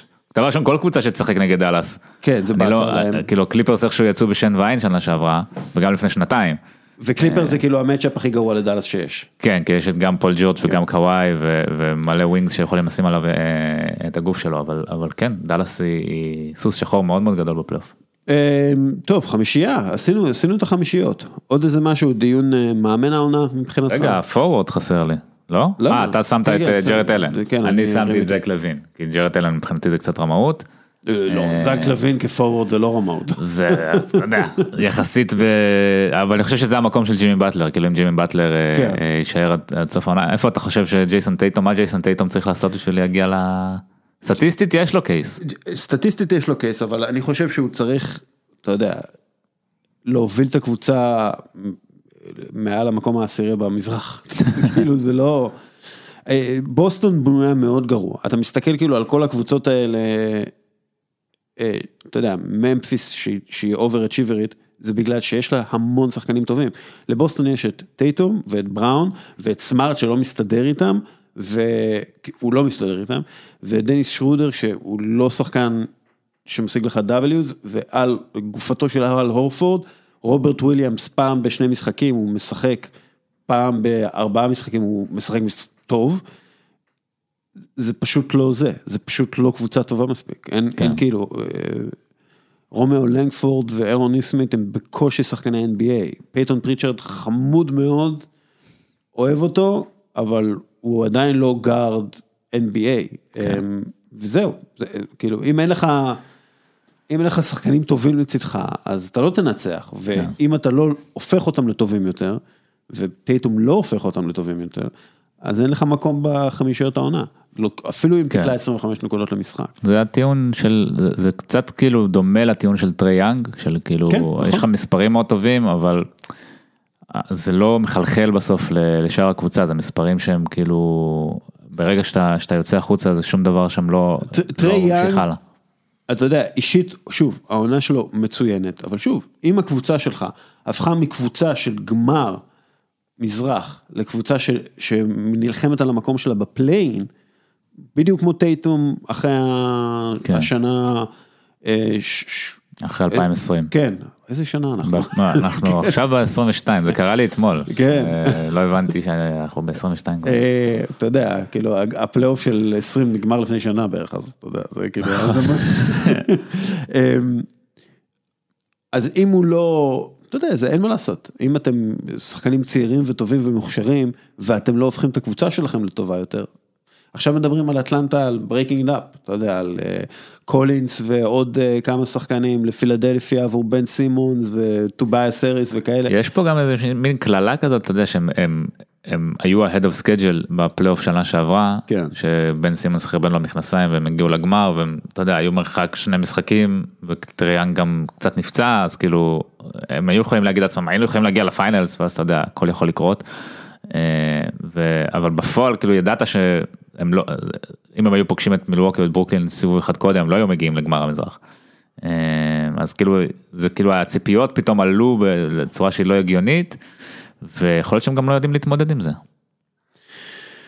אה, כן, אני חושב שה general manager שלהם אמר, כאילו, אנחנו אולי עשינו טעות כשהחזרנו את כל השחקנים. כן. אז הוא עכשיו מעיף את אה, קם רדיש, אתה יודע, אבל כן, זה גם כן, אתה יודע, זה, זה מוזר הדברים האלה, זה, אתה לא יודע איך בדיוק הם אה, יסתדרו בעתיד. אה, כי שוב, אם אתה לא מיאמי, כשאתה מכניס סתם שחקנים, אז הם סתם שחקנים, כן. הם לא הופכים לטובים יותר. כן, אין לך את ההיט קולצ'ר, זה בעיה. כן, כן, לא, אבל למיאמי, שוב, יש להם מאמנים, מעטפת מדהימה, כאילו, שסביבה, מאמני כליאה, מאמני כושר וכולי, הצוות רץ טוב, הם תמיד רוצים כן. לנצח. לא, אני חושב שגם יש פה עניין של השחקן הכי טוב שלך, ברגע שהוא לא מתאמץ בהגנה, שגם הרדן, זה, אתה יודע, בצד השני של זה. כן, הרדן לא, בכלל לא בטוח. כן, כאילו, אתה יודע, דיברתי עליו כי כאילו מספרית הוא איכשהו שם, אבל, אבל הרדן בעיניי, אתה יודע, יש לי אותו גם בפנטזי, כאילו זה נחמד שיש לי אותו בפנטזי, אבל, אבל זה לא כיף לראות אותו משחק, ו, ואתה רואה גם ש, שהוא נראה, הוא נראה אומלל, והנץ נראים אומללים כאילו מאוד במשחק. אה, שם. לא, כאילו מאוד לא, קבוצה מאוד לא כיפית. זה נראה, אתה יודע, גם הנרקסיזם הזה של, אה, של קיירי הרווינג, בלתי נסבל. ופשוט אף אחד לא נהנה שם. זה לא כמו גולדן סטייט, אתה יודע, שכאילו, כשלא, כשבלי כן. דורנט הם היו מאושרים וזה, הם לא כמו ממפיס, שאתה יודע, הם נראים כן, מבסוטים. ראית את החגיגת אה, ניצחון עם אה, סטיבן אדמס? כן. הוא תופס אותו שם. איזה איש חזק סטיבן כן. פשוט מרים שחקן NBA בוגר, כאילו תינוק. לא גם סתם שחקן, טוני ברדלי, שהוא כאילו fucking סנטר, דיברנו על סנטר, סנטר. הוא פשוט מרים כן. אותו והולך איתו. איזה איש גדול וחזק. כן. אמ, טוב, יאללה, נראה לי שסיימנו את הדיון היום, לא? נראה לי שכן. מישהו עוד, אתה רוצה להוסיף? לא, דיברנו על כולם, דיברנו על ג'ו הולידיי, דיברנו על... אה, מדהים. שדמיאן לילר פשוט נעלם מהרדאר, אה? כן, הוא גם פצוע והוא גם לא היה טוב, פשוט ב- בברדלי ביל גם כן לא נמצא בדיון הזה. נכון. שזה גם כן די מפתיע, כאילו שהסתכלתי עליו, אמרתי, אה אוקיי, ברדלי ביל פשוט לא, לא בדיון, כאילו, הוא לא בדיון. כן. פשוט לא, כאילו הוא לא קולע. הוא כאילו, אתה אומר, ברדלי ביל הוא, בקט, הוא פשוט לא בקט. אה, טוב, אלכס קרוזו לא בדיון, נכון? אה, טוב, יאללה, שלב הבא, השלב הבא, החלק הבא. ועכשיו גל קרפל בפינה החברתית בשיתוף פה בועטים את הגזענות והאלימות מהמגרשים של הקרן החדשה לישראל, מה המצב גל? אהלן אהלן, אה, בסדר, לא רע. אה, אז, אז ככה, כן. אני רוצה להתחיל ב-1947 דווקא. אה, פיווי אוקיי. פיווי ריס מחבק את ג'קי רובינסון, זה כאילו אחד מהחיבוקים הכי מפורסמים בתולדות הספורט העולמי בכלל. ג'קי רובינסון היה השחקן כן. השחור הראשון אה, ב-MLB או בליגת הבייסבול המובילה, ומן הס- מן הסתם סבל מהרבה גזענות וכולי, ופיווי ריס. אה, נראה לי מאזור קנטקי או משהו כזה, הגיע וחיבק אותו מול כולם, לפחות זה האגדה האורבנית, וכאילו זה היה ההתחלה של אה, קבלת האחר לתוך הספורט האמריקאי המקצועני. אה, כך מוביל את הדרך. ומוביל את הדרך, ואתה יודע, אני פשוט חושב שמאז כמה דברים השתנו. כמה דברים השתנו, אבל כאילו אני כן. פשוט חושב שיוזמה כזאת של שחקן בתוך המגרש שווה אה, מיליון קמפיינים. אתה מבין למה אני מתכוון? נכון. בטח, בטח. אתה יודע, זה יורד עד לרמה הקטנה, שילדים קטנים לומדים משחקנים להרים חבר שלהם שהוא נפל. אה, אה, יש כל מיני מחוות ששחקנים עושים בזמן משחק ברמה הכי קלה. לתת יד למישהו, לנחם מישהו אחרי הפסד, אה, להחליף חולצה אחרי משחק. הדברים האלה נראים לנו חסרי חשיבות לחלוטין. אבל כשאתה תלך לכדורגל, או שאתה בתור נער, אתה משחק כדורגל, אתה עושה את כל האלה. זאת אומרת, באמת כל פעולה נראית, ויש לה איזושהי משמעות, בוודאי שיש פעולה כזאת שנוגעת לקבלת האחר, כמו הסיפור של ג'קי רובינסון, אה, אמ, אז המשמעות היא גדולה מאוד, ואתה יודע, ראינו את זה, אולי דוגמה מדהימה, זה מול אה, סיפור סדאיה וקדאיה בבית"ר. אה, איך שהשחקנים התנהגו לשחקנים המוסלמים בקבוצה, היה לזה משמעות אדירה, אדירה, ובטח בסרט טהורה לעד, כמה ש... אה, בלי לדבר על הסרט עצמו, אתה בוודאי רואה שם איך התנהגות של שחקנים מפעילה אוהדים ומכבה אוהדים. כן, אנחנו אה, ראינו את זה דרך אגב השבוע. אה, מכבי כן, חיפה נגד הפועל באר שבע. זאת הסיבה שאנחנו מדברים על זה. כן, ב- אתה בעצם, רואה כמה התנהגות של שחקנים, מאמנים, אה, כמה היא משפיעה מיד על מה שקורה. כן. ובדוגמה סתם היה כאילו זרקו דברים על ג'וש כהן השוער של מכבי חיפה ואיתי שכטר פשוט. אמר להם תפסיקו. אגב, הוא אמר כן. להם, תפסיקו לגמרי מכ- מכ- מכיוון אה, אינטרסנטי, לא מחלילה לשמור על אה, ג'ש כהן, הוא אמר, תפסיקו, כי זה מפריע לנו. כי זה מפריע, כן, הם אומרים אנחנו בפיגור, מה אתם זורקים חפצים לא, כן, זה לא שהוא היה איזה, אתה יודע, פייר פליי, אבל כאילו, בסופו- של דבר, המילה שלו זה מילה כאילו, יש לה הרבה יותר משקל, אין מה לעשות. נכון. אגב, אתה יודע מה, אולי זה כן פותח את הדבר הבאמת מדאיג שקורה לאחרונה, שאנחנו אנחנו מדברים על השפעה של שחקנים, אבל זה קשור. כמות הזריקות חפצים שיש העונה בליגה, היא משהו שהוא הוא, הוא פסיכי, הוא לא דומה לשום דבר שהיה. Uh, אתה רואה שמה קורה גם בהפועל תל אביב נגיד. Uh, אתה יודע, זורקים חפצים פעם אחת, פעם שנייה, פעם שלישית, עכשיו יש משחק מול נוף גליל. ועוד פעם זורקים חפצים, והקבוצה בפיגור זורקים חפצים על השוער. זאת אומרת, שתיים אחת לנוף גליל, זורקים חפצים על השוער. ובאמת אתה שופס את הראש ואתה אומר, מה, זאת אומרת, מה קורה פה? האם, האם הם, הם בכוונה עושים את זה כי הם חושבים שזה, שזה טוב, או, או, ו, ו, ואני גם מדבר עם האוהדים בתוך היציע, אני אומר, כל פעם שמישהו זורק חפץ, אומרים לבן אדם להפסיק, אומרים, "כן, בטח, צועקים עליו. אז למה הקהילה לא מתאגדת לעשות משהו? ויש כאן איזשהו, איזה, איזה לינק מחבר באמת, שאני חושב שהיה יכול לעזור כאן שזה השחקנים.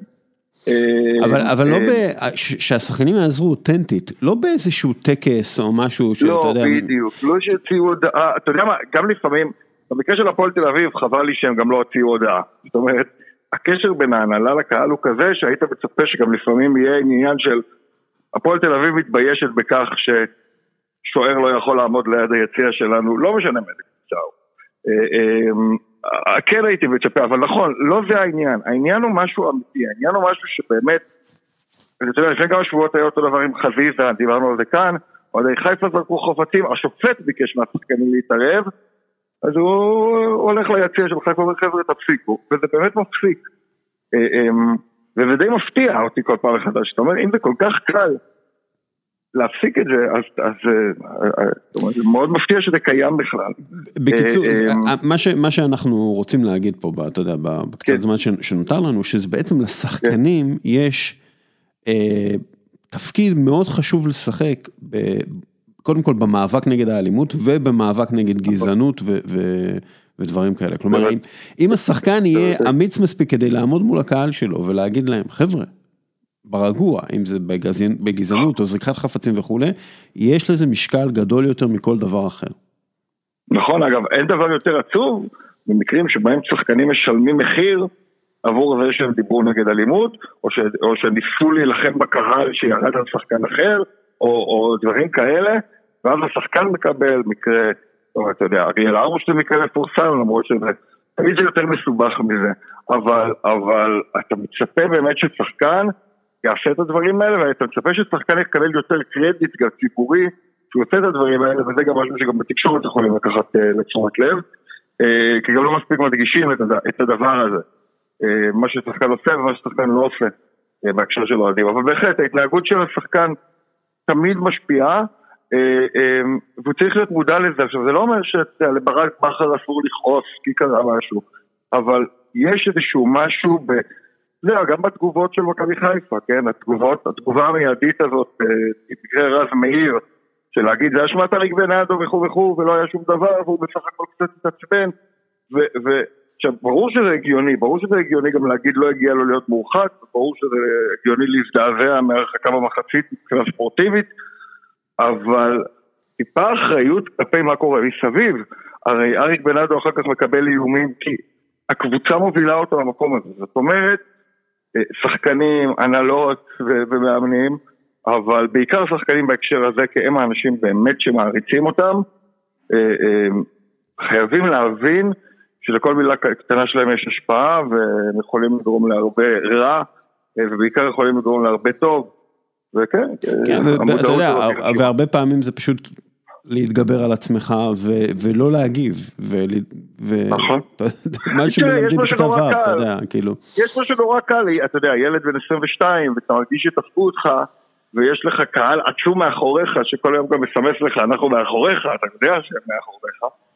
אתה אומר בוא'נה, בואו נפעיל אותם קצת, אני כועס אז בואו נשתמש בקהל האדיר שלי כדי להגביר את הכעס, אבל זו בדיוק חוסר אחריות וזה בדיוק ההבנה ששחקן כדורגל הוא לא עוד אחד ביציע, או עוד מישהו שיש לו הרבה חברים שתומכים בו, הוא איש שיש לו אחריות, כן? כן. טוב, אה, עד כאן הפינה כן.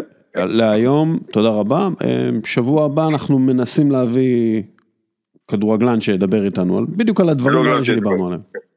נכון, נכון, נכון, כדורגלנים, יש כדורגלנים שיודעים לדבר על זה יפה מאוד. נכון, ואנחנו אנחנו נמצא אותם ונביא אותם. בדיוק, בראש ונביא אותם. יאללה גל, תודה. כן, תודה רבה. ביי. עידו מינקובסקי, אוריאל דסקל, אה, קודם כל, אתה אמיתי. אתה אמיתי. אני, אה, אני אמיתי, אה, מה שנקרא unfortunately, כן. אם מחפשים את החברה שלך. אם מחפשים את החברה שלך בלינקדין, מוצאים אותה. מה זה מוצאים? אני, אני מוכר יותר ממה שאנשים רוצים לקנות. מקבלים אוברדוב.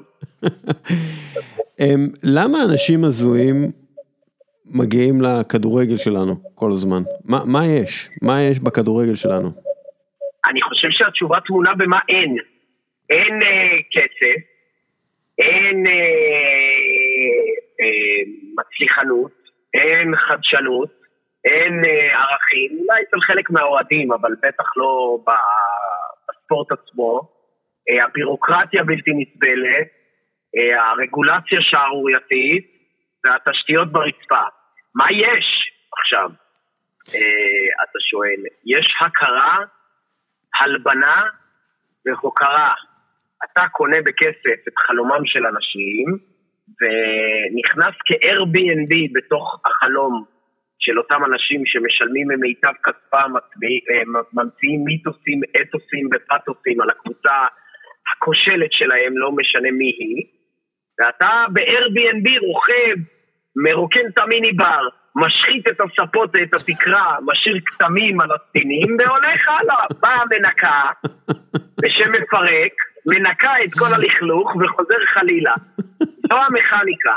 אגב, לפעמים באים איזה שא תמים כמו רובי שפירא ז"ל, או באמת בן אדם רציני, לצערי, כמו יעקב שחר, אה, או מיץ' גולדהר שפשוט עשיר כקורח, אז אה, מה שנקרא לא משנה לו מספיק, אה, כדי שיהיה אכפת לו. ו-here to stay, ומנסים לבנות איזה משהו נורמלי, או אלונה ברקת. אה, רוב האנשים שמגיעים לכדורגל, תאמין או לא, אין להם כסף, כי מי שיש לו כסף, אה, ולא הרבה כסף מעבר לפרופורציות, אה, ה-value for money, אם ההשקעה לא שווה את זה. עכשיו, אנשים יש להם פנטזיות שהם המציאו את הגלגל והם יוכלו לעשות כסף. עכשיו, הכסף מתבטא בשני אה, אה, נושאים. פעם אחת הלבנת כסף, כלומר אתה קוף של כן. מישהו אחר שלא יכול להחזיק קבוצת כדורגל, ללא רמיזות. אה, אני מדבר על דברים גם שהיו בעבר, בוא כן, נגיד כן. בבית"ר הם בכלל כוכבים בזה, בכלל אה, אה, באמת נתקעי כל העולם יתאחדנה ותבואו לרכוש את בית"ר, או מוזרי כל העולם. פעם שנייה, אתה חושב שאתה תוכל להשתמש בנכסים שאף אחד לא ראה, לא וורן באפט, ולא ביל גייטס, ולא סטיב ג'ובס, רק אתה, אה, סטפן מלול מזהה את הנכסים המוכמנים בבית"ר, ובאמת מספר שהוא ינפיק אותם ב-500 מיליון דולר, קרי אה, אה, שווי של אה, שני מיליארד. עכשיו, אני אומר, אם אתה רוצה להמציא כבר קבוצת כדורגל בשני מיליארד, חרם, לא תלך לפריס סן ג'רמן, לברצלונה, למנצ'סטר, בית"ר. עכשיו, לצערי, התשובה שלך, השאלה שלך היא רטורית, כי התשובה בגוף השאלה. אין סיבה לבן אדם נורמטיבי, אלא היא, הוא תפס איזה פרצה בנצח בתחילת שנות התשעים הסוציאליסטיות, ואו שהוא עשיר כקורח בצורה יוצאת דופן, שזה לא מעניין אותו להפסיד כמה עשרות מיליונים אה, בשנה בשביל הספורט, תרתי משמע, או בשביל הפרסום, האישי אגב, לא המסחרי. כל תשובה מחוץ לזה טמונה רק או בנוכלות, או בפסיכוזה, או בשניהם. אני אני אשאל אותך שאלה. לה- תנסה, תנסה להסתכל בכדורגל הישראלי. כיועץ תקשורת, נגיד אני ניר ברקת, אוקיי? ואני רואה שביתר ירושלים, שזו קבוצה אה, קבוצת הממסד הימני, כלומר, אין, אין, הייתי אומר לך כן, אלא אם היה כבר אה, שני אה, דברים. איך אני אוהב לענות על שאלות לפני ששאלת, כי אני... כן, כי אתה שם מבין, כן. תלמד אותי מנטלית. כן, אז אה, יש שתי, שני דברים למה הייתי מייעץ לו לא לעשות זה. פעם ראשונה, הניסיון הראשון של גיידמה כשל, כישלון חרוץ. זה לא הביא לו כלום. זאת אומרת, זה לא השפיע על האפס מנדטים שהיו לו בחוץ. ב', ברקת כבר עתיד להוביל את בית"ר ירושלים. כלומר, כל חתול שהוא יכניס יוכל להרוס את החתונה. כן, בטח שלא לעשות אותה. למה לא לקחת כן. אה, אה, בעלות על אה, קבוצה כושלת מקצועית, שהוא תלוי by proxy במאמן אם היא תצליח או לא, בקהל בעייתי מאוד בחלקו, וב spotlight תקשורתי אה, לא קשור ל base שלו. הוא מספיק לו, כמו שלימד אותי, אה, תאמין או לא, משה חוגג, אמר לי, הדבר היחיד שיותר טוב להיות מבעלים של קבוצה זה להיות ספונסר של קבוצה. אתה מקבל את כל הגלורי בלי האחריות. יישמתי. השאלה, ברצינות אבל, כאילו ברקת יכול להגיע, או דמות כמו ברקת, למה? הוא יכול לבוא רובי ריבלין כזה, לא, אני אומר, רובי ריבלין כזה, ולגייס מלא משקיעים מקומיים אמינים. כי יש מלא, אתה יודע, יש מלא תורמים לליכוד, כן? יש מלא אנשים אה, התשובה ימנים היא, התשובה היא עשירים. למה לא? הקהל הזה שבוי, למה לא? ההפך.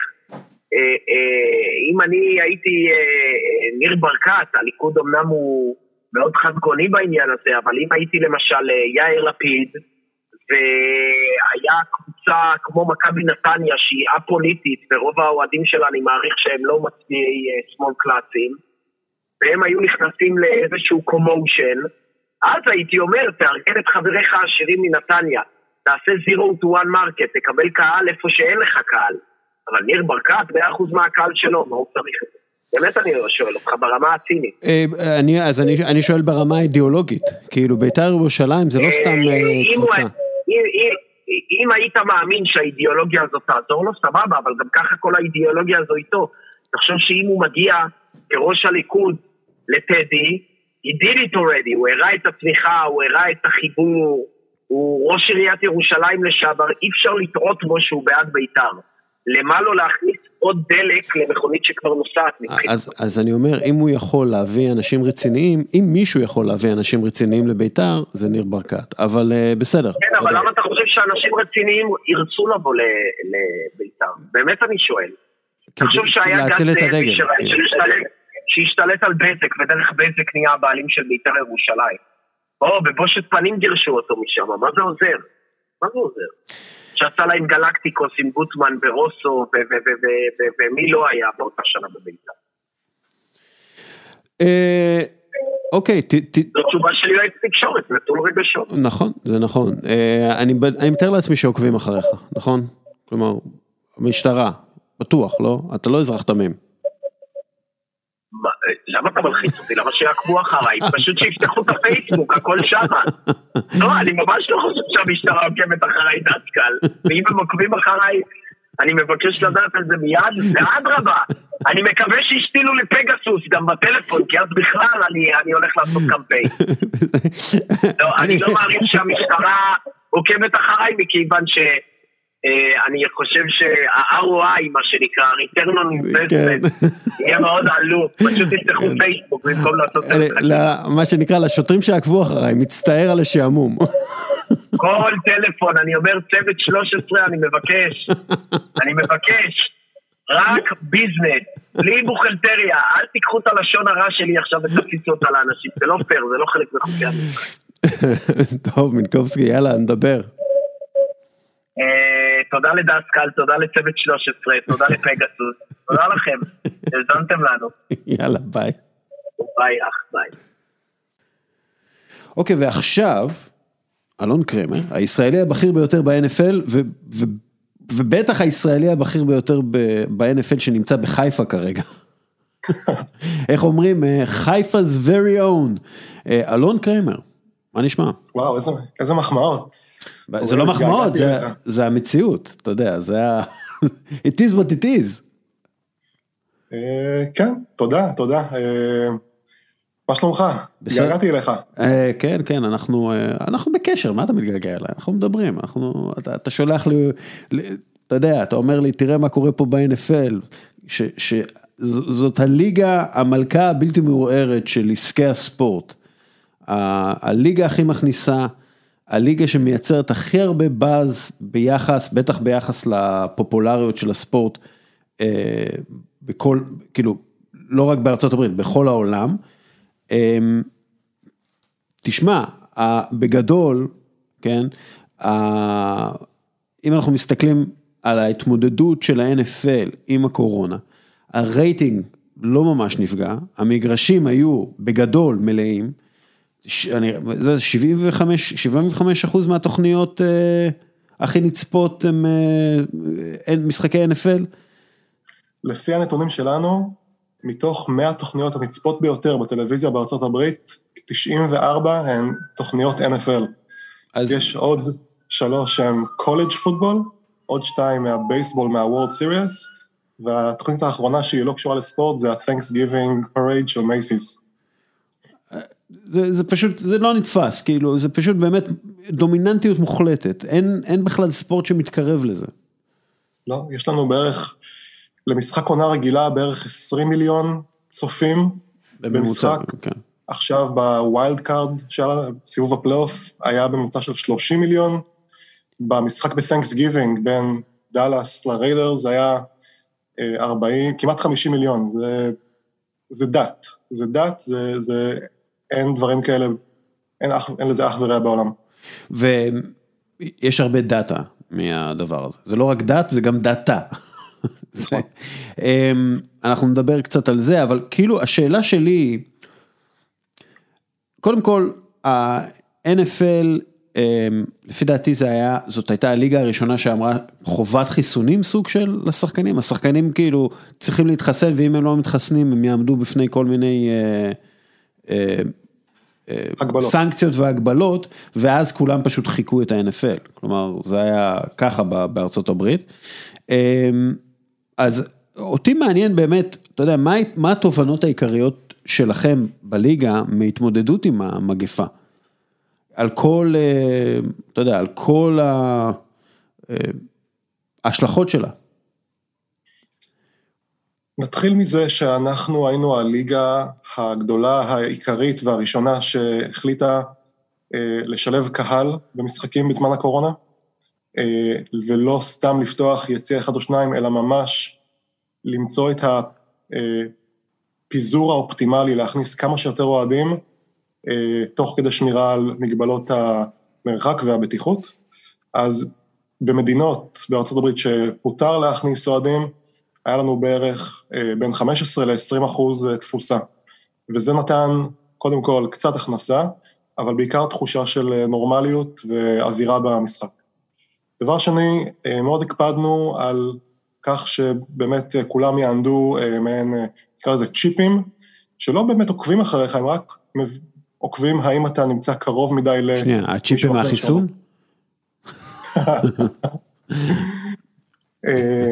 ונכון, קרוב ל-95-96 אחוז משחקני הליגה אה, חוסנו, אה, אלה שלא, כמו שאתה אומר, היו צריכים להיבדק על בסיס קבוע, אה, עם הגבלות מסוימות של, שקשורות לזמן מחוץ למשחק. אגב, גם אני בתור עובד של הליגה, אמנם אני התחסנתי עוד מלפני כן, כי בוא נגיד ככה שלקחת את הסאבווי בדרך למשרד, זה לא מרגיש כל כך בטוח, אז, אה, אבל גם ביקשו מכל עובדי הליגה אה, להתחסן. אה, תובנות לגבי הקורונה, אתה יודע מה, אני, בוא נחלק את זה קודם כל לתובנות טלוויזיה, כי אמ, הקורונה בעצם נתנה boost די גדול, כולם חשבו שיהיה boost גדול לרייטינג של הספורט, בגלל שזה בעצם, אתה יודע, האסקפיזם, שכאילו בורחים אליו, אתה, אתה יושב בבית, אין לך מה לעשות, אתה רוצה לראות משהו ב live, אתה רוצה לראות אנשים אחרים, אז כאילו חשבו שיהיה boost גדול לרייטינג של הספורט, זה לא קרה בגדול. אבל, נכון, אבל ה-NFL. שמר, ה-NFL שמר על, על הרייטינג שלו, שזה מראה כאילו את העוצמה. את הרזיליאנס, כן. אה, נכון, בשנת 2020, בזמן שיא הקורונה, הרייטינג של ה-NFL נפל, נפל ב-9-10 אחוזים, לעומת ליגות אחרות זה היה מדהים, כי ה-NBA, הוקי, בייסבול, נפלו בקרוב ל-40 ו-50 אחוז. כן. אבל לשנת 2020 הייתה עוד, חוץ מהקורונה היו עוד אה, דברים, כמו הבחירות לנשיאות בארצות הברית, שזה באופן קבוע, רואים שכל ארבע שנים, באופן מחזורי, הרייטינג נופל בגלל זה. אה, הרייטינג לספורט, יותר אנשים צופים בחדשות. אבל בעונה האחרונה, אה, שאנחנו כבר, בוא נגיד בקורונה 2.0, הרייטינג דווקא כן עלה, כמובן שביחס לעונה הקודמת, אבל גם אנחנו רואים רייטינג שהוא אה, הטוב ביותר מאז שנת 2016. כי, כי מה, כי אנשים זה... לא רוצים לראות יותר חדשות על קורונה? או, או אני, מה, מה כאילו התובנה שלכם, למה יותר אנשים רוצים לראות, בטח פוטבול, אבל אנחנו רואים גם אה, עלייה ברייטינג ב-NBA, ו, אבל כאילו, מה פוטבול זה, אתה יודע, פוטבול זה המפלצת פה.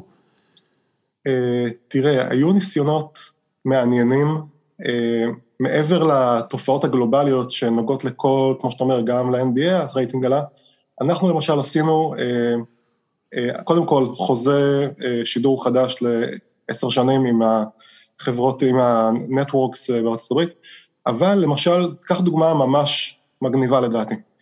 אה, אומרים שלספורט כמו בייסבול ופוטבול, הקהל מזדקן, אה, קהל צעיר כבר אין לו סבלנות או רצון לראות משחקים מהספורט הזה, אז עשינו שיתוף פעולה עם ערוץ הילדים ניקולודיון, ויש בעצם שידור, סטרים נפרד לערוץ הילדים, שבו משדרים את המשחק כוכבי ילדים, שיש אה, פאול, חוקים, אה, עצירות, אה, יש מהן הסבר פשוט וכיפי מבובספוג או מאיזושהי דמות מצוירת אחרת על מה קרה עכשיו, וכשיש טאצ'דאון, כל המסך מתמלא בסליים. כן, סליים. שיש זה... תותחים. עכשיו... ראיתי את זה, זה קצת קשה לעיכול, אבל בסדר. אבל אה, רעיון out of the box, ובואו ננסה באמת אה, לצאת מגבולות הקהל המסורתי ולנסות אה, להגיע לקהלים חדשים וצעירים יותר.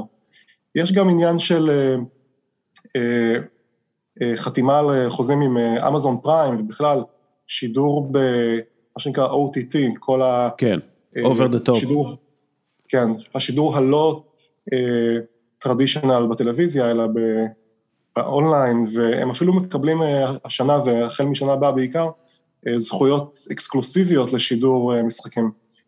אז כן, נעשה ניסיון מעבר לטרנדים הכלליים להגדיל את הרייטינג. עוד דבר נוסף, חשוב מאוד שאנחנו עושים לדעתי, זה לא קשור בכלל לעניין הטלוויזיה, זה מלכתחילה איך אנחנו קובעים את לו"ז המשחקים. כלומר, בכל שנה אנחנו יודעים מראש איזה קבוצה תשחק נגד איזו קבוצה. כן.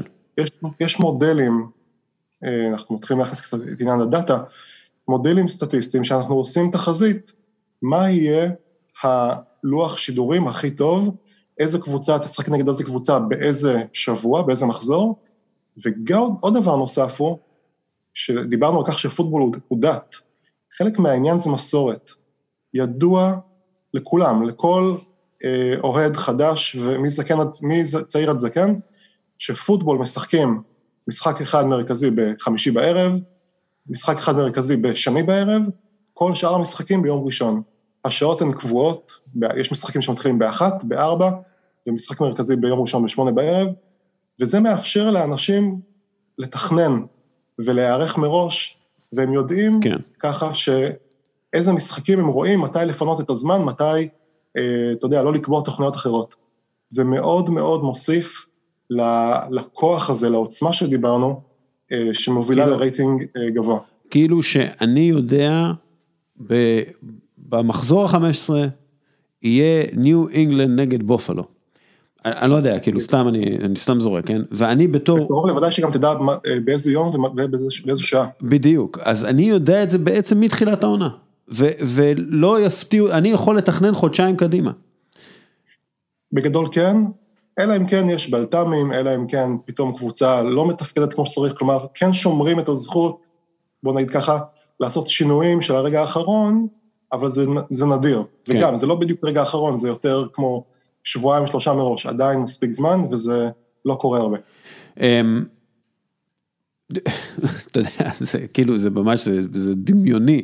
היום אני, אם אני אוהד קבוצות בכדורגל הישראלי, אין לי מושג מה יקרה עוד שבועיים. כאילו, אין לי מושג. עכשיו, השאלה, אתה יודע, אה, ודיברנו על זה לפני כמה אה, פודקאסטים, נגיד חנוכה, אוקיי? יש את משחקי כריסמס בפרמייר ליג, כולם מכירים, כולם יודעים וכולי. אני אומר, למה לא לעשות בחנוכה אה, חמישה ימים של משחקים גדולים? לעשות מחזור אמצע שבוע בחנוכה, שאפשר להביא את הילדים בשעה מוקדמת יחסית, לעשות את המשחקים הכי גדולים. אה, זה, אה, לא יודע, הדרבי המכביסטי בין מכבי חיפה למכבי תל אביב ביום אה, הראשון של חנוכה וביום השישי של חנוכה. דרבי תל אביבי, הפועל תל אביב, וככה זה יהיה כל חנוכה. הש... כאילו לסדר את המשחקים ככה שיתאימו יותר מסחרית לחגים ולאירועים שקורים בכל מקרה. נכון, זה מתקשר למה שהזכרתי לגבי המשחק ב-Thanksgiving, כן. שהדאלאס קאובויז, שהיא לכאורה הקבוצה של אמריקה, יש לה את קהל האוהדים הכי גדול בארצות הברית, הם יודעים באופן קבוע שהם תמיד ישחקו ב-Thanksgiving, החנוכה של ארצות הברית. אה, זה משחק שתמיד ימשוך הרבה קהל, הרבה רייטינג. אני אגיד לך עוד משהו, אתה מדבר על משחקים גדולים, אה, ופה אולי זה משהו שאולי קצת לא כל כך ישים אה, בארץ, אבל אופן שיטת המשחקים ב-NFL גורמת לכך שכל קבוצה תשחק בעונה הבאה מול קבוצות שסיימו באותו דרג, באותו level כמוה. כלומר, כל הקבוצות שסיימו ראשונות בבית ישחקו יותר משחקים מול קבוצות שסיימו גם כן ראשונות. קבוצות שסיימו במקום השלישי מול קבוצות בדרג השלישי וככה הלאה, ככה הלאה. אה, לא כולם משחקים נגד כולם, אבל זה כן יוצר איזשהו אפקט, יש לך יותר משחקים אה, דרמטיים, מעניינים, יותר משחקים גדולים, אז זה גם כן איזשהו אה, עניין שתורם למשחקים שיש לך יותר, אה, אתה יודע, משחקים גדולים כאלה שמושכים הרבה רייטינג. כן, ואז כאילו גם יש אינטרס לקבוצות להיות טובות, ולא להיות, לא לעשות tanking בגלל שזה יותר כסף פשוט, יגיעו יותר אנשים למשחקים. זה גם יוצר יותר עניין וגיוון, אה, יש לך יותר קבוצות שמתמודדות על, ה, על הכניסה לפלייאוף. אה, שוב, כי לחזקות יש משחקים יותר חזקים, אז חלקן יפסידו העונה יותר. החלשות יותר אה, ינצחו יותר משחקים, כי הם משחקות נגד חלשות אחרות, וזה יוצר יותר עניין ויותר ערבוביה. ובאמת שהעונה, אני חושב שאם תשאל כל, כל אוהד, הפלייאוף וה... הגעה לסופרבול פתוחה מתמיד. אנשים... נכון, השאלה, אני רוצה לשאול באמת על, מה, מה קובע המשחקים, אלגוריתמים? אתם מכניסים את כל הנתונים לדלי שעושה חישוב ומוציא לכם את זה, או איך, איך קובעים את המשחקים בעצם? אתה שואל לגבי קביעת המשחקים כן. או הסדר שלהם? קביעת המשחקים כאילו, והסדר שלהם מן הסתם. לא, קביעת המשחקים זה משהו שהוא מנגנון קבוע מראש. אתה תמיד תשחק בית וחוץ מול הקבוצות שבאותו division, ויש בעצם אה, רוטציה מול איזה עוד קבוצות אתה תשחק מאיזה בית, אה, וכאמור, נוסף האלמנט הזה שאמרתי, שאתה תשחק נגד קבוצה שסיימה באותו אה, מיקום בבית מקביל. כלומר, אין, אין הפתעות, אנחנו לא ממציאים אה, כל פעם מי תשחק נגד מי. לגבי קביעת הסדר המשחקים, כאן כבר מסתמכים באמת על דאטה שקשור ל- לרייטינג, אה, קשור אגב גם להוגנות, אה, כלומר, אמנם אנחנו רוצים שיהיה כמה שיותר רייטינג, אבל אנחנו גם לא יכולים שקבוצה עכשיו תשחק שלושה, ארבעה משחקים בחוץ. אנחנו כן רוצים, או יש עניין טיסות ומרחקים, אנחנו רוצים לוודא ששומרים על הגינות מבחינת אה, כל מה שקשור לסדר המשחקים, אבל אנחנו כן אה, דואגים, לא, אנחנו לא סתם עושים הגרלה איזה לו"ז משחקים יהיה העונה, אנחנו ממש משקיעים בזה זמן, כוחות מחשוב מאוד רציניים, כוחות מחשוב לפתירת מודלים מתמטיים, למצוא כן. את הסדר האופטימלי למשחקים לעונה הקרובה. אמ, כן, אולי זה משהו, אגב, אני חושב ש... כשדיברו על הסופר ליג ועל ליגת האלופות, אני חושב שוופא צריכה להגיע ל-NFL, להגיד, אה, זה נחמד, מה שאתם עושים פה, בואו נאמץ את זה כמעט אחד לאחד, ואז יהיה לנו NFL אה, כמו ליגת האלופות, ליגת האלופות שהיא כמו ה-NFL, זה יכול להיות מאוד מעניין. אה, לא, לא קורה ולא יקרה. אה, אגב, אפשר, אני זוכר שגם שאלתי אותך את זה, אפשר לעשות חישוב של כמה כסף, כמה יותר כסף שווה ליגה פחות ארוכה בכדורגל? כלומר, במקום 38 משחקים, 28 משחקים, אפשר לעשות חישוב של מה צריך בשביל שה, שהפחות משחקים יהיו שווים יותר? אני בטוח שאפשר. אני חושב שזה תמיד היה סוג של אה, קונפליקט בין מעט משחקים בעונה ובעצם יצירת ערך יותר גבוה לכל משחק, כמו שקורה בעצם בפוטבול, יש לנו 17 משחקי עונה רגילה, והפלייאוף הוא נוקאוט, כלומר משהו יחסית קצר, וזה גורם לכל משחק להיות מלחמת עולם, אה, בצד המובן, במובן החיובי של המילה. וגם, מאור... כאילו, אנחנו רואים את זה סטטיסטית, זה יוצר יותר עניין. כן. אה, לעומת זאת, יהיו ליגות אה, כמו ה-NBA עם 82 משחקים, או הבייסבול וההוקי עם, אני לא טועה, 140 משחקים, שיגידו, אה, יש לנו יותר תוכן, אמנם פר משחק שווה פחות, אבל לאורך זמן במצטבר זה שווה יותר. אני לא חושב שאף אחד, או למיטב ידיעתי, אף אחד לא עשה ניתוח כמו שאתה הצעת, אני חושב שזה סופר מעניין, זה בעצם מדבר על אלסטיות של מחירים, על אה, כמה שווה אקסטרה או משחק או פחות משחק אחד, איך זה ישפיע, אני חושב אבל שבעולם הדאטה לפעמים צריך פשוט לעשות ניסוי וטעייה כדי לקבל אה, מושג, אבל אני חושב שזה לגמרי אפשרי, ויכול להיות פרויקט מאוד מעניין לדעת מה, מה המשחק, מספר המשחקים האופטימלי, אה, כך שגם יהיה אה, מספיק משחקים וגם יהיה מספיק עניין. כן, אגב אני מתאר לעצמי שה-NFL לפני שהם עשו את ההוספת משחק, את המשחק ה-17, עשו הרבה מאוד חישובים, כלומר הם לא היו עושים את זה אם זה היה פוגע בהכנסות לטווח הארוך. אני בטוח, זה כנראה היה אבל אה, לפני זמני, אני הצטרפתי לליגה לפני שנתיים ו... לא, זה כבר הוחלט, כן. כן. יש איזה, אתה, אתה יכול לדבר כאילו על אה, פרויקט שעובדים עליו לטווח הארוך, כאילו, בלי, בלי להרוס אותו?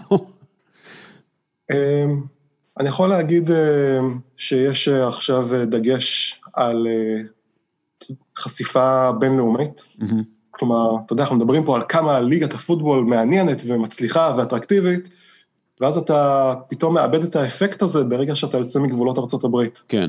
ואני כישראלי שגדל בישראל, אמ, תמיד אה, תהיתי בעצם, רגע, אם המשחק הזה כל כך טוב, איך זה שהוא לא פופולרי, במיוחד אה, מחוץ לגבולות הברית?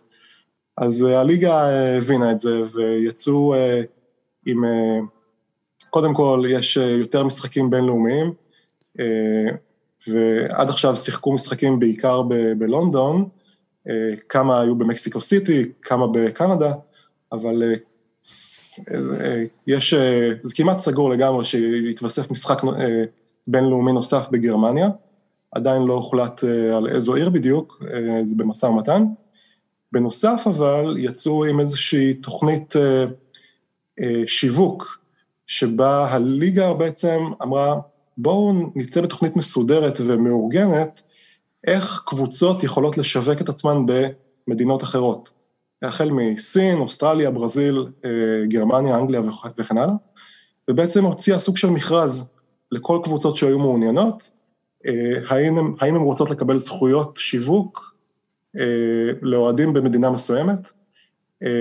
חלק התוכנית הזאת התקבלה בברכה, כי קבוצות שנמצאות למשל בצד, בגבול הצפוני, אה, קיבלו באמת זכויות אה, לשיווק בקנדה, אה, לחילופין קבוצות בגבול הדרומי או קליפורניה קיבלו זכויות למקסיקו, אבל גם היה כמה דברים קצת מוזרים, כמו השיקגו ברס שקיבלו זכויות לש- לשווק בספרד, שאתה לא ממש מבין מה כי, העניין, או... כי שברים וזה, אתה יודע.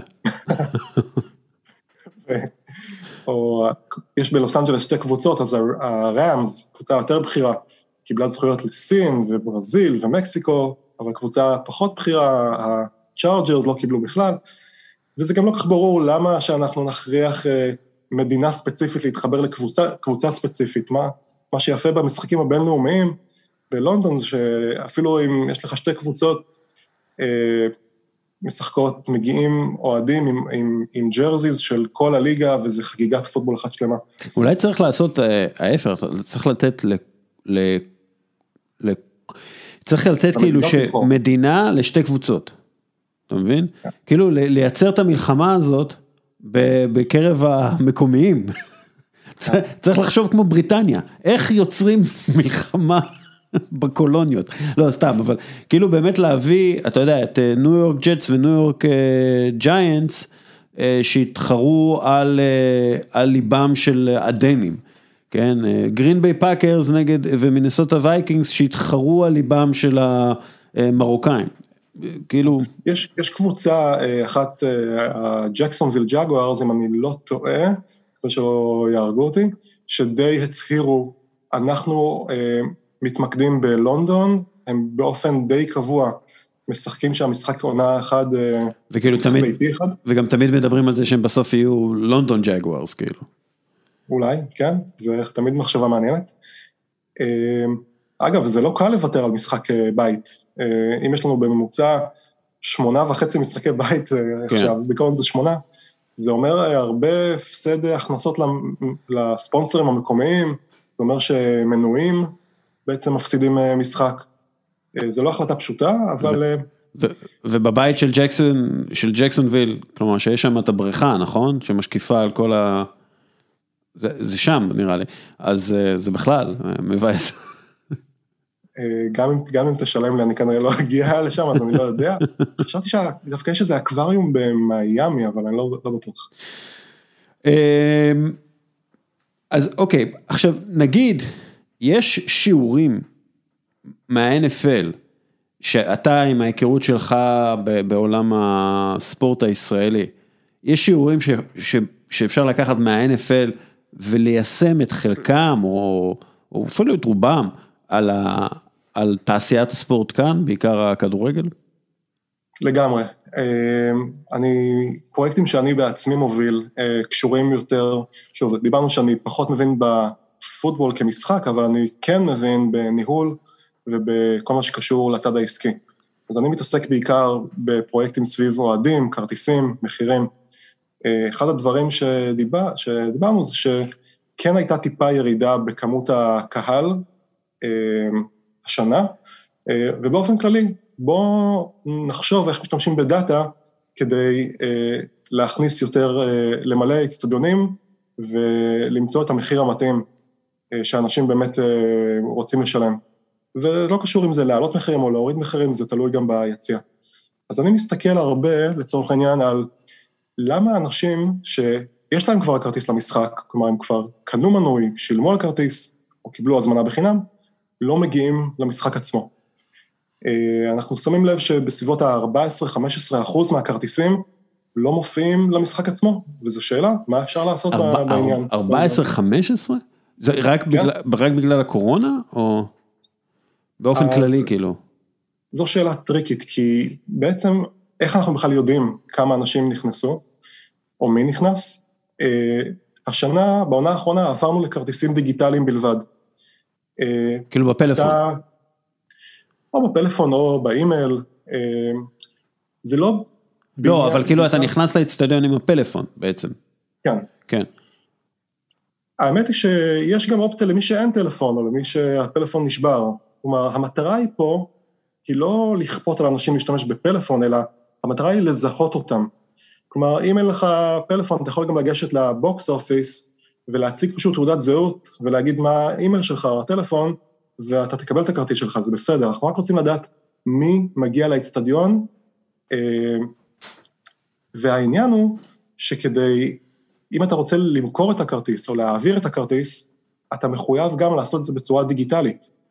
וככה יש לנו בעצם גם מעקב אחרי לא רק מי מכר את הכרטיס, אלא גם מי קיבל אותו ומי אה, מכר אותו או מכר אותו בפעם השנייה. ממש עוקבים על כל ה... כל איזה המסע של הכרטיס, the journey of a ticket. כן. אז אנחנו מסתכלים, אה, אז זה רק מהעונה, והעונה באמת גם יש את העניין של הקוביד, אז קצת קשה לדעת האם זה בגלל הקוביד או לא, אבל זה פרויקט מעניין, אנחנו מסתכלים גם על אה, האטרקטיביות של המשחק, על מזג האוויר, על אה, מיקום הכרטיס, ובאמת על המידע שאנחנו יודעים על האוהד. עכשיו, אנחנו לא יודעים ברזולוציה של, אוקיי, האוהד הזה בדיוק הלך לחגוג יום הולדת אה, של, אה, של הבן שלו, אז הוא לא יכל להגיע למשחק. אבל אנחנו מסתכלים על, אה, אתה יודע, הדברים הדמוגרפיים היחסית רגילים, גיל, אה, הכנסה, אה, מיקום, כלומר כתובת, כמה רחוק הוא מהאיצטדיון, אה, מין, גבר, אישה אה, וכולי. ובעצם המודל ניסה לחזות אה, מה גורם לבן אדם להגיע או לא להגיע למשחק. ושמנו לב לצורך העניין שאחד הפקטורים המעניינים הוא האם הבן אדם, אותו אוהד, פרסם את הכרטיס שלו למכירה בשוק יד שתיים. עכשיו, שוק יד שתיים זה driver מאוד גדול, מאוד רציני, לכל עולם הכרטיסים. זה לא הצד השלילי והמגעיל של הספסרות, כמו שאנחנו מכירים, כן. אלא באמת כלי שנועד לאפשר לאוהדים שקונים מנוי, אבל יודעים מראש שהם לא יכולים להתחייב לכל המשחקים, או קונים מנוי והמחיר קצת יקר להם, אז הם מגיעים לנקודת הנחה שהם ימכרו חלק מהמשחקים כדי להחזיר חלק מעלות המנוי. זה באמת כלי שעובד בהרמוניה עם, עם השוק הראשי, אה, ומעודד בעצם אנשים אה, לקנות ולמכור כרטיסים. אה, וראינו למשל שאנשים באמת שלא מצליחים למכור את הכרטיס בשוק יד שנייה, מן הסתם הייתה להם כוונה, ידיעה שהם לא יגיעו למשחק, חלקם בסוף כן מגיעים, אבל רובם לא, ואז השאלה, מה אפשר לעשות?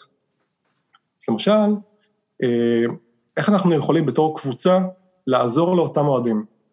אה, אז אנחנו יכולים קודם כל לחנך אותם, שהם יכולים לפרסם לא רק בפלטפורמה אחת, לא רק ב Ticketmaster, אלא גם ב StubHub או ב SeatGeek, אנחנו יכולים לחנך אותם על איך אה, להשתמש בתמחור נכון, אה, לשנות את המחיר, להתעדכן. ודבר נוסף שאנחנו יכולים לעשות, וזה כבר קבוצה אחת או שתיים אה, התחילו ליישם, זה תוכנית שבעצם מאפשרת לקנות את הכרטיס בחזרה מאותו אוהד. אטלנטה פלקונס, יש להם מה שנקרא swap program, ובעצם הם אומרים, אם אתה האוהד שלנו, ויש לך כרטיס ששווה משהו, כלומר, זה לא תקף לאנשים שיושבים בנוזבליד, אתה יודע, ב-level העליון מאחורי השער, כן. אבל אם יש לך כרטיס ששווה משהו, אנחנו מוכנים, אה, שאם תודיע לנו מראש שאתה לא מגיע למשחק, אנחנו יכולים אה, להחליף לך את הכרטיס אה, בתמורה לכרטיס למשחק באותה, באותו level, אה, משחק עתידי, אולי ניתן לך קרדיט למנוי שלך לעונה הבאה, ואולי ניתן לך איזשהו מרצ'נדייז בתמורה. מה זה גורם? זה עושה שני אפקטים. קודם כל, האוהד הזה מרוצה. הוא שמח שהוא לא מאבד את הערך של המנוי שהוא, שהוא קנה, וזה בעצם יעודד אותו להמשיך לחדש את המנוי לעונה הבאה. לפלקונס, בגלל שהם אה, יודעים שאותו אוהד לא היה מגיע למשחק, כלומר, היו מפסידים גם הכנסות אולי על אוכל ושתייה, אה, בגלל שהם עודדו את אותו אוהד להגיד להם מראש שהוא לא מגיע למשחק, הם יכולים עכשיו אה, לה, למכור את הכרטיס הזה מחדש.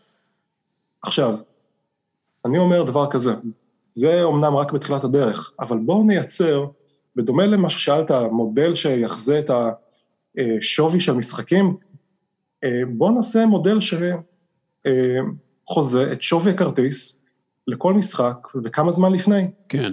לצורך העניין, ב- בישראל, אה, אני ספציפית אה, חיפאי, אז בואו נדבר על מכבי חיפה, קבוצה מאוד אטרקטיבית השנה. ברור לכולם שמשחק עונה מול מכבי תל אביב או הפועל באר שבע, קודם כל, יהיו מעט מאוד אוהדים שלא יגיעו למשחק. אבל בואו נעודד אנשים שלא יכולים להגיע, למכור לנו בחזרה, בחזרה את הכרטיס, נעשה איזשהו מנגנון של זמן לפני המשחק, כלומר, אתה מודיע לנו שבועיים לפני, אתה תקבל 80% מהכרטיס בחזרה, או בתור קרדיט. תודיע לנו רק יום אחד לפני, אתה בעצם מגביל אותנו באפשרויות, אז תקבל רק 20 אחוז. או עדיין יש משחקים אה, שהם לא משחקי עונה, שהאיצטדיון בסמי עופר לא מלא. אז שם אנחנו יכולים לעשות משהו דומה. תודיע לנו שבועיים לפני, כן. תן לך לא 80 אחוז, אלא 30 אחוז, 40 אחוז. בעצם ליצור איזשהו מנגנון של מחירים שבעצם גם יעשה טוב לאותו אוהד, גם יעשה טוב לקבוצה, כאילו, זה יהיה ווין ווין סיטואשן. בעצם מנגנון קבוצתי ליצירת יותר רווחים עבור בעלי המנויים ועבור הקבוצה.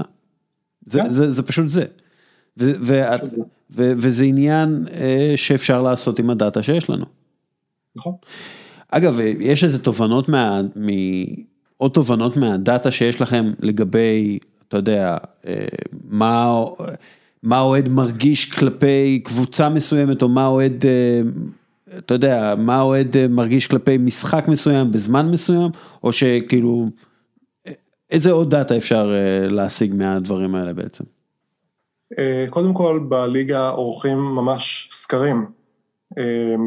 יש נציגים של הליגה, שחלק מהתפקיד שלהם זה לבוא ולראיין אוהדים במשחקים, אבל בעולם המחשבים יש דבר שנקרא NLP.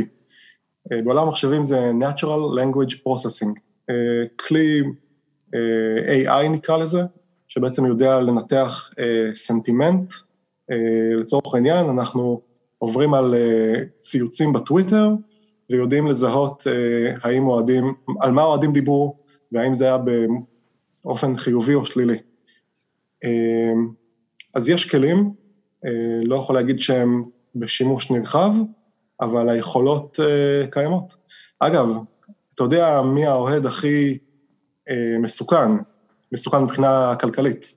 זה לא האוהד שהתלונן אחרי המשחק, זה להפך, זה האוהד האדיש. אה, כלומר שאפשר דווקא, לאבד אותו בקלות. דווקא זה שהתלונן, זה אומר שאכפת לו. כן. דווקא, ולעומת זאת, זה שלא התלונן ופשוט נעלם, אה, הוא האוהד שאנחנו בסכנה לאבד. הנה, בגלל זה אנחנו לא כועסים עליכם, אה, עוקבים יקרים, אה, שאתם כועסים עלינו ומותחים עלינו ביקורת, ועל זה שאנחנו גרועים ומשתמשים בנתונים גרועים. אנחנו שמחים שאתם מתלוננים, זה אומר שאכפת לכם. מעניין אותי, דרך אגב, אתה יודע, יש כאילו התחזקות מותגית של השחקנים ב-NBA, ב-NFL, סליחה, הכוכב הגדול הוא כמובן תום בריידי, אבל אני משער שהוא לא חזק בקרב הצעירים, כי הוא אשכרה לא צעיר, הוא, הוא, בגיל של אה, מאמן פוטבול, מאמן פוטבול בימינו, הוא, הוא בן 44, שזה ישיש ביחס למה שאנחנו מכירים אה, מעולם השחקנים הפופולרי ב-NBA ובליגות אחרות. אה, כאילו אנחנו רואים איזו התחזקות של, של מותגים מסוימים. שחקנים מסוימים כאילו. תראה, אפשר להגיד שפטריק מהומס, הקוואטרבק של קנזס, הוא, ה... הוא יותר פופולרי בקרב הצעירים, אה, אתה יכול לראות אותו, אגב, אם אני לא טועה, הוא בן 25, 26 אולי, אה, אין ספק שהוא יותר פופולרי, פרסומות, אה, הוא הפנים הצעירות של הליגה, ואין ספק שהוא תותח על, על המגרש. אני חושב שלצערי, זה פחות מורגש מה... מליגה כמו ה-NBA לצורך העניין. כן. ויש כמה, אני חושב שיש כמה אפקטים לזה. אתה אולי תצחק עליי, אבל אני חושב שעצם העובדה שהמשחק הזה משוחק עם קסדה על הראש, מאוד מקשה על אנשים אה, להתחבר. אנחנו כבני אדם מאוד מתחברים לפנים. אה, וזה שיש קסדה על הראש, גם בהוקי אגב, כן. זה קצת מקשה. אה, זה נובע גם מהעניין שיש, עם רוסטר של קבוצת NBA הוא בערך 12 שחקנים, ב-NFL זה 53, אה, אז קשה באמת, והקריירות גם יותר קצרות לרוב, אה, אז יותר קשה לעקוב ולהכיר. אה, אגב, אבל עדיין, אתה יודע, כאילו למשל, נכון, אירון רוג'רס הוא מאוד פופולרי, הוא קצת אה, פגע בפופולריות שלו ב... בכלל, אה, הוא, אה, בוא נגיד, הוא העלה את הפופולריות שלו בקרב מתנגדי החיסונים, שהם המיעוט, אז אה, אתה יודע. אתה יודע מה אומרים על פרסום? כל עוד אה, מאייתים את השם שלך נכון, זה מה שחשוב. אה, מאוד אה, מעצבן. תום בריידי כמובן, אתה יודע, הוא מותג על, כאילו בהרבה מובנים, אה, הוא הכוכב הכי גדול של הליגה בכל הזמנים, אז כאילו, מן הסתם הוא מאוד אה, מוכר. אבל כאילו, נגיד ג'ון בורו כזה, אתה יודע, מסינסנטי בנגל, אה, בנגלס, ש- שמי- הוא לא עדיין אה, פטריק מהומס, אבל יש לו את הסוואג והסיגר, והוא מוביל את אה, סינסנטי לניצחון ראשון בפלייאוף מזה 205 שנה בערך, כאילו, ויש עליו, כאילו, אז הליגה מנסה לקדם אותו כמו שהיא, כמו שה-NBA מקדמת שחקנים? אז אני חושב שפחות, לפחות אני לא מודע לזה, כן. אבל מצד שני אני גם לא עובד בתחום של הסושיאל מדיה שלנו, ויש תחום מן הסתם, אה, לא, לא מזניחים אותו. אה, כן אני יודע שהליגה יותר פונה לכיוון הטיק טוק למיניהם והסנאפ צ'אט, כן. אמ, אבל תראה, ג'ו בורו, אה, אין ספק, תשמע, הוא נבחר במקום ראשון, זה תמיד פוטנציאל לניצוצות ולהיות הכוכב הבא. אני לא יודע אם, אה, מה היה קורה אם הוא לא היה מנצח את המשחק פלייאוף הראשון מזה 2,250 שנה. כן. אמ, ראי, אתה כתבת על זה ש, שזה בעצם בפעם הראשונה בהיסטוריה היה text message של סינסינטי בנגלס ניצחו בפלייאוף. כי לא היה. כן, לא היה text messages לפני 2602 שנה. זה, זה, זה לא אני כתבתי, זה היה מים ששיתפתי, שמאוד הצחיק אותי, שהפעם האחרונה שהבנגלס ניצחו משחק פלייאוף זה היה ב-91, הודעת הטקסט הראשונה נשלחה אי פעם ב-1992, מה שאומר שלראשונה בהיסטוריה של האנושות נשלחה הודעת טקסט, הבנגלס ניצחו משחק פלייאוף. זה, זה סטטיסטיקה שאני אוהב, זה סטטיסטיקה שאני אוהב. אה, כמו שהיה אה, סטטיסטיקה לגרניט ג'אקה, הקשר של ארסנל, שבה, שהיו לו יותר אה, התנצלויות באינסטגרם מאשר שערים במדי הקבוצה. ועכשיו הוא כנראה בכל מקרה יצטרך אה, להתנצל על כך שהוא כנראה מכר משחק או whatever, מה שדיווחו שם עליו. אה, לא משנה. אה, אוקיי, אגב, מה, מה, מה הנתונים אה, מראים על המשחקי פלייאוף האחרונים? הם אה, היו קצת חלשים, אבל בכל זאת פלייאוף, כאילו, אני מתאר לעצמי שהרייטינג היה גבוה מאוד. נכון, גם אני בתור אה, אוהד ובתור אה, צופה, אה, בוא נגיד היה לי קצת קשה לראות את, ה, את המשחקים האלה, אבל rating wise, אני יכול להגיד לך שבמצטבר היה ב weekend אה, 102 מיליון צופים, זה שליש. כל בן אדם שלישי בארצות הברית ראה פוטבול באותו סוף שבוע. אה, ממוצע צופים, הזכרתי, למשחק היה בערך 30 מיליון. אה, כאמור, אנשים אה, רואים יותר ממשחק אחד. גם פה בישראל, לא, שאני מבקר עכשיו, נפגשנו כמה חברים, וראינו את המשחקים עד מאוחר בלילה. אגב, אה, ישראל מבחינת השוק לפוטבול הוא לא שוק קטן, אה, בין, הוא לא שוק בינלאומי קטן. כאילו יש פה הרבה אנשים שרואים פוטבול, בטח אה, שיעורי אוכלוסייה, אתה יודע, אם אתה משווה את זה למקומות באירופה. בוא נתחיל מפרגון, שיש באמת קהילה חזקה בפייסבוק, קבוצה בשם פוטבול אמריקאי, כן. בעברית, שאני אני חבר בקבוצה, אני יותר עוקב מאשר פעיל, אלא אם כן יש לי באמת משהו מעניין אה, להגיד, אבל מה ששמתי לב, שבאמת כמות הפוסטים, כמות התגובות, היה משחק פלייאוף עם, אה, לא זוכר איזה משחק, אבל היה שם מאות תגובות על פוסט משחק. כנראה דאלאס סן פרנסיסקו. שזה היה המשחק כאילו הכי מופרע של הפלייאוף. ובאמת, יש דיונים מעניינים, מעמיקים, הרבה גם memes מצחיקים. אני חושב, תראה, סך הכל השידורים, אגב, יש גם את הליגה הלא מקצועית בארץ, יש את התמיכה של, של, של קראפט עם האצטדיון והכל, שמביאים לפה שחקני הול אוף פיים. כלומר, יש בסיס, ואנשים, זה מעניין אותם. בנוסף, מבחינת טיימזון, המשחקים של אחת בצהריים בארצות הברית, מתחילים פה בשמונה בערב. ואני גם שם לב שיש יותר שידורים, אה, לאו דווקא בערוצים הפתוחים, שזה חבל, אבל יש יותר שידורים בשעה נוחה יחסית. זה הצד החיובי. הצד היותר פרקטי, שיסלחו לי, אבל אנחנו מדינה קטנה. כן. אה, אנחנו לא באמת שוק, עם כל הכבוד, אנחנו לא שוק משמעותי שיכול, מה שנקרא, להזיז את המחט, to move the needle. אה, כן, יש צוות בינלאומי בליגה. כאילו יש, אנחנו בגודל של ניו ג'רזי, ולניו ג'רזי אין קבוצת פוטבול, אז כאילו תירגעו, מה שנקרא. רק משחקים שם. כן. אבל בוא נגיד ככה, כשמדברים על זכויות שידור וכאלה, אז ישראל נכללת בתוך הספייס של המזרח התיכון, ככה מבחינת איך שהליגה מסתכלת לזה. כן יש עניין בעולם הסטארט-אפים, בעולם ה tech, sports-tech נקרא לזה. גם אני באופן אישי מנסה לעשות חיבורים לסטארט-אפים מעניינים לליגה. ניסינו לעשות איזשהו פיילוט השנה עם סטארט-אפ שקשור יותר לצד ה marketing. כן, אני יכול להגיד לך גם שבניתוח נתונים שלי, שהזכרתי שאני משתמש בנתוני מזג אוויר, זה גם מגיע מחברה חברה ישראלית שאוספת דאטה על מזג אוויר. פה אני חושב שכן יש עניין. מה עוד ישראל יכולה להיות קשורה ל-NFL? תראה, אני, אני חושב שלאט לאט, בסופו של דבר, זה שלא משחקים פה את המשחק מגיל צעיר, זה הבעיה. אתה יודע מה ה-NBA, למה ה-NBA כל כך פופולריים בעולם? כי הם, לא, לא כי כדורסל זה ספורט יותר פשוט מפוטבול.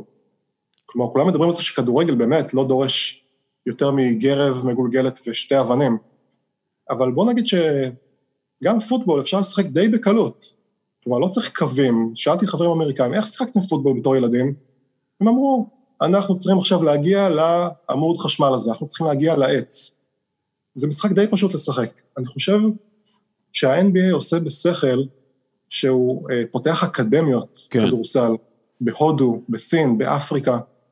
אה, הוא גם משריש את התרבות המשחק, והוא גם חושב לונג טרם, שאולי עוד 15-20 שנה יתפתח שם היאו מינג הבא, ויבוא ויסחוף מדינה שלמה אה, ל-NFL, ל-NBA.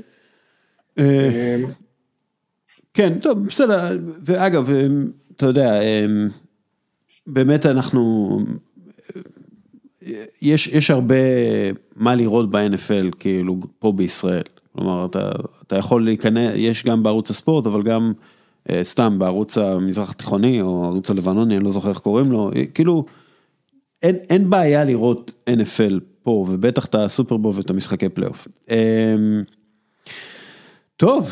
אני אגיד רק עוד דבר אחד, שאולי גם התקשורת צריכה לשים יותר דגש על חשיפה, קורים המון דברים מעניינים ב-NFL, גם כמו שהוא היום, כן. ופשוט זה עניין של החלטה לסקר את הליגה הזאת יותר. וגם ללמוד ממנה יותר, כלומר... כן, חשוב. הם עושים עבודה, אתם עושים עבודה טובה מאוד בניהול העסק הזה שנקרא ליגת ספורט, אז מישהו צריך, בואו תנהלו את זה. אלון, מעניין כרגיל. כן. אתה, כיף כרגיל. כן, אתה כאן נשאר, כאילו, מה, מה קורה איתך? איך... what's what? אני מחשב את צעדיי, אני מאוד, אני חייב להגיד שאני כבר שמונה שנים בארצות הברית ומתגעגע מאוד לישראל באופן אישי.